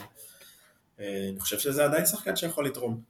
בטח בתפקיד היחסית צנוע שהוא נותן, זה לא שהוא איזה... הש... כאילו, מה האופציה החמישית שלך, הוא האופציה החמישית שלך בהתקפה, שחקן קצ'ן שהוא שומר טוב, זהו. אחלה וטרן. הוא אחלה וט, אני לא בטוח עד כמה... הוא יהיה בן 34 בסוף העונה, אני לא בטוח עד כמה... ה... התפקיד שלו במילווקי בשנה שעברה היה 10 דקות והוא נתן 1.8 נקודות למשחק. אה, הוא לא שיחק בפלייאוף, בד לא, בד, בד ספסל אותו. אולי גריפין ייתן לו יותר דקות. יכול להיות. אני, אני טוען שהוא פשוט צריך לפתוח שנה בצורה נורמלית. זה לא קל, לא, לא, לא להיות ברוטינה שלך, לא, לא לפתוח מחנה בצורה. סדירה, אחרי זה לבנות כושר תוך כדי העונה. זה, זה, זה לא פשוט, אנחנו מבחינתנו, אתה יודע, השחקנים אנחנו זורקים אותם לסיטואציה, תשחק. אתה אמור להיות טוב. אה. יש לך רמה מסוימת. אבל הבן אדם לא התאמן חצי שנה. כן, זה, זה חלק מהעניין. בצורה סדירה, זה הכוונה, כן. כן. Uh, טוב, יש פה דרור רס מעלה שאלה פילוסופית, האם אה, מילווקי ב trade הולידיי בסוף חיזקה את בוסטון יותר מאשר את עצמה? היא מאוד חיזקה את בוסטון, אבל לא יותר מאשר את עצמה. זה נראה לי שאנשים יותר מדי התמכרו ל... ל- לג'רו הולידיי. אני מת על ג'רו הולידיי, כן, שחקן מצוין, אבל ההבדל בינו לבין לילארד זה... זה, זה נראה, כנראה שזה הבדל הרבה יותר גדול ממה שאנשים חושבים. לא, אבל יכול... השאלה היא האם ההבדל בין ג'רו ללילארד יותר גדול מההבדל בין uh, ברוקדון לג'רו. ג'רו לסמארט. אני דווקא הלכתי ג'רו לסמארט. אמ, אני חושב ש... תשמע, אני, אני אגב, וזה מצחיק, בדיוק דיברתי עם חבר לפני, אמרתי, לדעתי ג'רו מגיע לבוסטון, כי הם היחידים, הם הקונטנדרית היחידה שיכולה לזרוק עליו שתי בחירות. וזה לא משנה את מי עוד הם ישלחו, פורטלנד ייקחו את זה. אמ, וזה זה כן trade שהוא מצוין להם בעיניי, אני גם כן רואה את זה בניגוד להרבה אחרים שכאילו אמרו מה, מה צריכים שחקן מבוגר וגארד שיש לך את דריק ווייט. אבל זה משלים להם אחלה חמישייה, אבל אתה יודע, בסופו של דבר, הם עדיין אה, מוגבלים ל star power של, אה, של טייטום ובראון. זה נכון, אבל, אה, אבל מצד שני יכול להיות שג'רו המצ'אפ האידיאלי בהגנה ללילארד. אה, אולי, ואז עדיין לך תחפש להתעסק עם יאניס. עכשיו גם שאין לך את טיימלורד, שיש לך הורפורד עייף, הוא לא יכול לעשות לו את מה שהוא עשה לו ב-2000 ו... ב-2000 ו... בעצם גם הוא התקשה איתו ב-2019. הוא עצר אותו קצת, ואז אה, נדרס בארבעה הפסדים רצופים בסלטיקס. אה, כן, אני לא חושב ש... אני חושב שבוסטון התחזקו, אני לא חושב שהם התחזקו יותר ממה שזה. אה, אחי שאל אותי מה, מה הם מצפים ש, שפורזינגיס ישמור עכשיו על יאניס? אז כן, אבל יש שם עדיין את הורפורד, יש להם עדיין שמירה, גן, שמירה קבוצתית טובה. אה, נחכה ונראה. כאילו, כן, שוב, להביא את ג'רו זה לא כדי להתמודד מול מילווקי, להביא את ג'רו זה כדי להתחזק. זה, זה שתי קבוצות שעשו מתיחת פנים אה, מטורפת, הם כנראה שינו את סגנון המשחק שלהם לחלוטין. זה, בוסטון עכשיו זה יכולה להתבסס על ה five out שג'ו מזולה כל הזמן רצה, והם יהיו קבוצה כנראה פחות טובה הגנתית, אבל הם עדיין לא יהיו רעים. אה, וג'רו מספק לך גם את ה catch and shoot, גם אגב ניהול משחק יותר טוב מכל מה שהיה להם בשלוש שנים האחרונות. אה, בעיניי, מהמם. לא, לא רואה את סמארט ממטר. אה, וגם שומר, אה, לפחות שומר אישית יותר טוב. סמארט יכול לשמור יותר עמדות.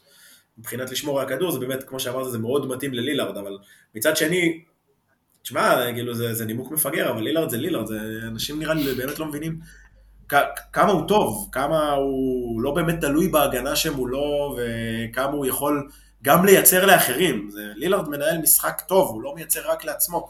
ו- ובתור שחקן pick and roll, עם כנראה, עזוב השחקן הכי טוב שהוא שיחק איתו אי פעם, אלא שותף ה pick and roll שהוא שיחק איתו אי פעם, המהלך הזה יהיה מפ- מפחיד.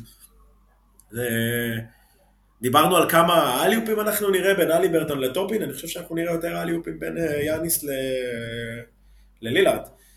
ו- וזה הולך להיראות כל כך קל בחלקים מסוימים, בטח שכן יש להם את הריווח הזה ש- שהולך להעצים את ה pick and roll, זה... אם יש משהו שאני מחכה לראות זה באמת את הצימוד הזה. זה, זה, אתה יודע, שמעתי לפני כמה ימים את הפודקאסט של יובל עוז ו...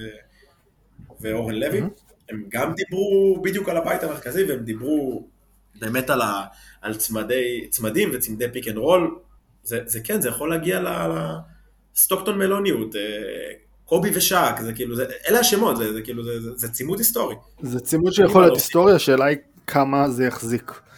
אה, מבחינת, מבחינה פיזית אני מתכוון, אה, כי לשניהם יש, ו, ובהקשר הזה גם צריך לראות איך ישפיע, ה, אה, איך קוראים לזה, התקנות החדשות של הליגה לגבי, לגבי ה load management. כן. יאניס נזכיר, בארבע העונות האחרונות, הוא, העונה שעברה הייתה הכי, זאת אומרת 21-22, הוא שיחק בה הכי הרבה, הוא שיחק בה 67 משחקים. הוא 63, 61, 67, 63. לילארד, אני כבר אסתכל, אבל אני מעריך שזה לא, זה לא יתקרב לשם גם. לילארד עם 66, 67, 29 ו-58 שנה שעברה. כש... גם אם אתה כן, אומר, אבל גם אם אתה אומר פורטלנד, גם. כן. פורטלנד נתנו לו את העשרה משחקים האחרונים לנוח, אז הוא היה מגיע ל-68, זה עדיין לא הגיע ל-70 משחקים. זה גם עדיין היה גם תוך כדי העונה, הפציעות שלו לרוב היו מינוריות, היה לו אז את הפציעת בטן הזאת, הוא התאושש ממנה טוב, ו... והרבה פעמים כן השביתו אותו לא, לא באמת בגלל פציעה. עזוב את העשרה האחרונים, זה גם היה מעבר לזה, גם היה תוך כדי העונה. אה, מנוחות, אה, יותר מנוחות, גם שלא בהכרח צריך. אז אני מניח שמן הסתם כן יעשו ביניהם אה, איזשהו משחק, עד כמה שאפשר, אבל זה לא יהיה כזה מהותי. אני... אז לילארד אומנם פחות כשיר, אבל יאניס אני לא דואג בכלל לכשירות שלו. הוא יגיע לפלייאוף, ראינו ראינו מה היה לו ב-2021 עם הפציעת ברך ההזויה הזאת נגד כן, והוא לא, והוא לא הפסיד משחק אחד. ראינו גם עכשיו שהוא הפסיד כולה שני משחקים, כאילו פציעה שהרבה שחקנים כנראה לא היו חוזרים להמשך הפלייאוף. אה, טוב, נחכה ונראה. מה, אני, ממה שאתה אומר, אני מבין שמדד הליגפס שלך לא נמוך אצלם. אני- לא רואים, אבל אני עושה פה חמסה, חמסה, חמסה. אה, אוקיי, בסדר. אז אה, טוב, שאלה אחרונה מיועדת אליך כרוקי פנטזי. איך אתה מצפה לראות את ההשפעה של אה, לילארד על, אה, על יאניס באספקט של הפנטזי? יואו, אה, וואלה, נראה לי בתור אחד שעכשיו אה, יסיים יותר בטבעת, אה, אבל כאילו בלי שהוא צריך אה, לכדר יותר מדי, אז גם יהיה לו יותר כוח, גם הוא יכול לקלוע פלוס מינוס אותה כמות נקודות, אבל ביעילות טובה יותר. נראה לי זה יעזור לו, לא? כן, אז, אז אני... זה שהבעיה המרכזית של יאניס היא אחוזי העונשין, בזה אני אתפלא מאוד אם דיים יצליח לעזור לו, למרות שהוא קלעי של 87 אחוז, אז uh, לך תדע. Uh, הוא יאבד פחות, הוא, יקלע, הוא יזרוק פחות, אבל הוא יסיים באחוזים יותר יעילים, אז uh, אני חושב שזה לא אמור להשפיע באמת על הדירוג שלו. כן. אני בכלל בפאנט עונשין, אז לא אכפת לי מקהלי עונשין. מעולה. Uh, טוב, טל. Uh, איפה מוצאים אותך וכן הלאה? אה, בטוויטר, אה, בכדור הכתום לפעמים, אה, ובכללי, איפה שמדברים NBA. מצוין. אז טוב, שיהיה לנו אחלה שבוע, ונתראה בשבוע הבא, בבית הבא. זהו. להתראות, יום טוב.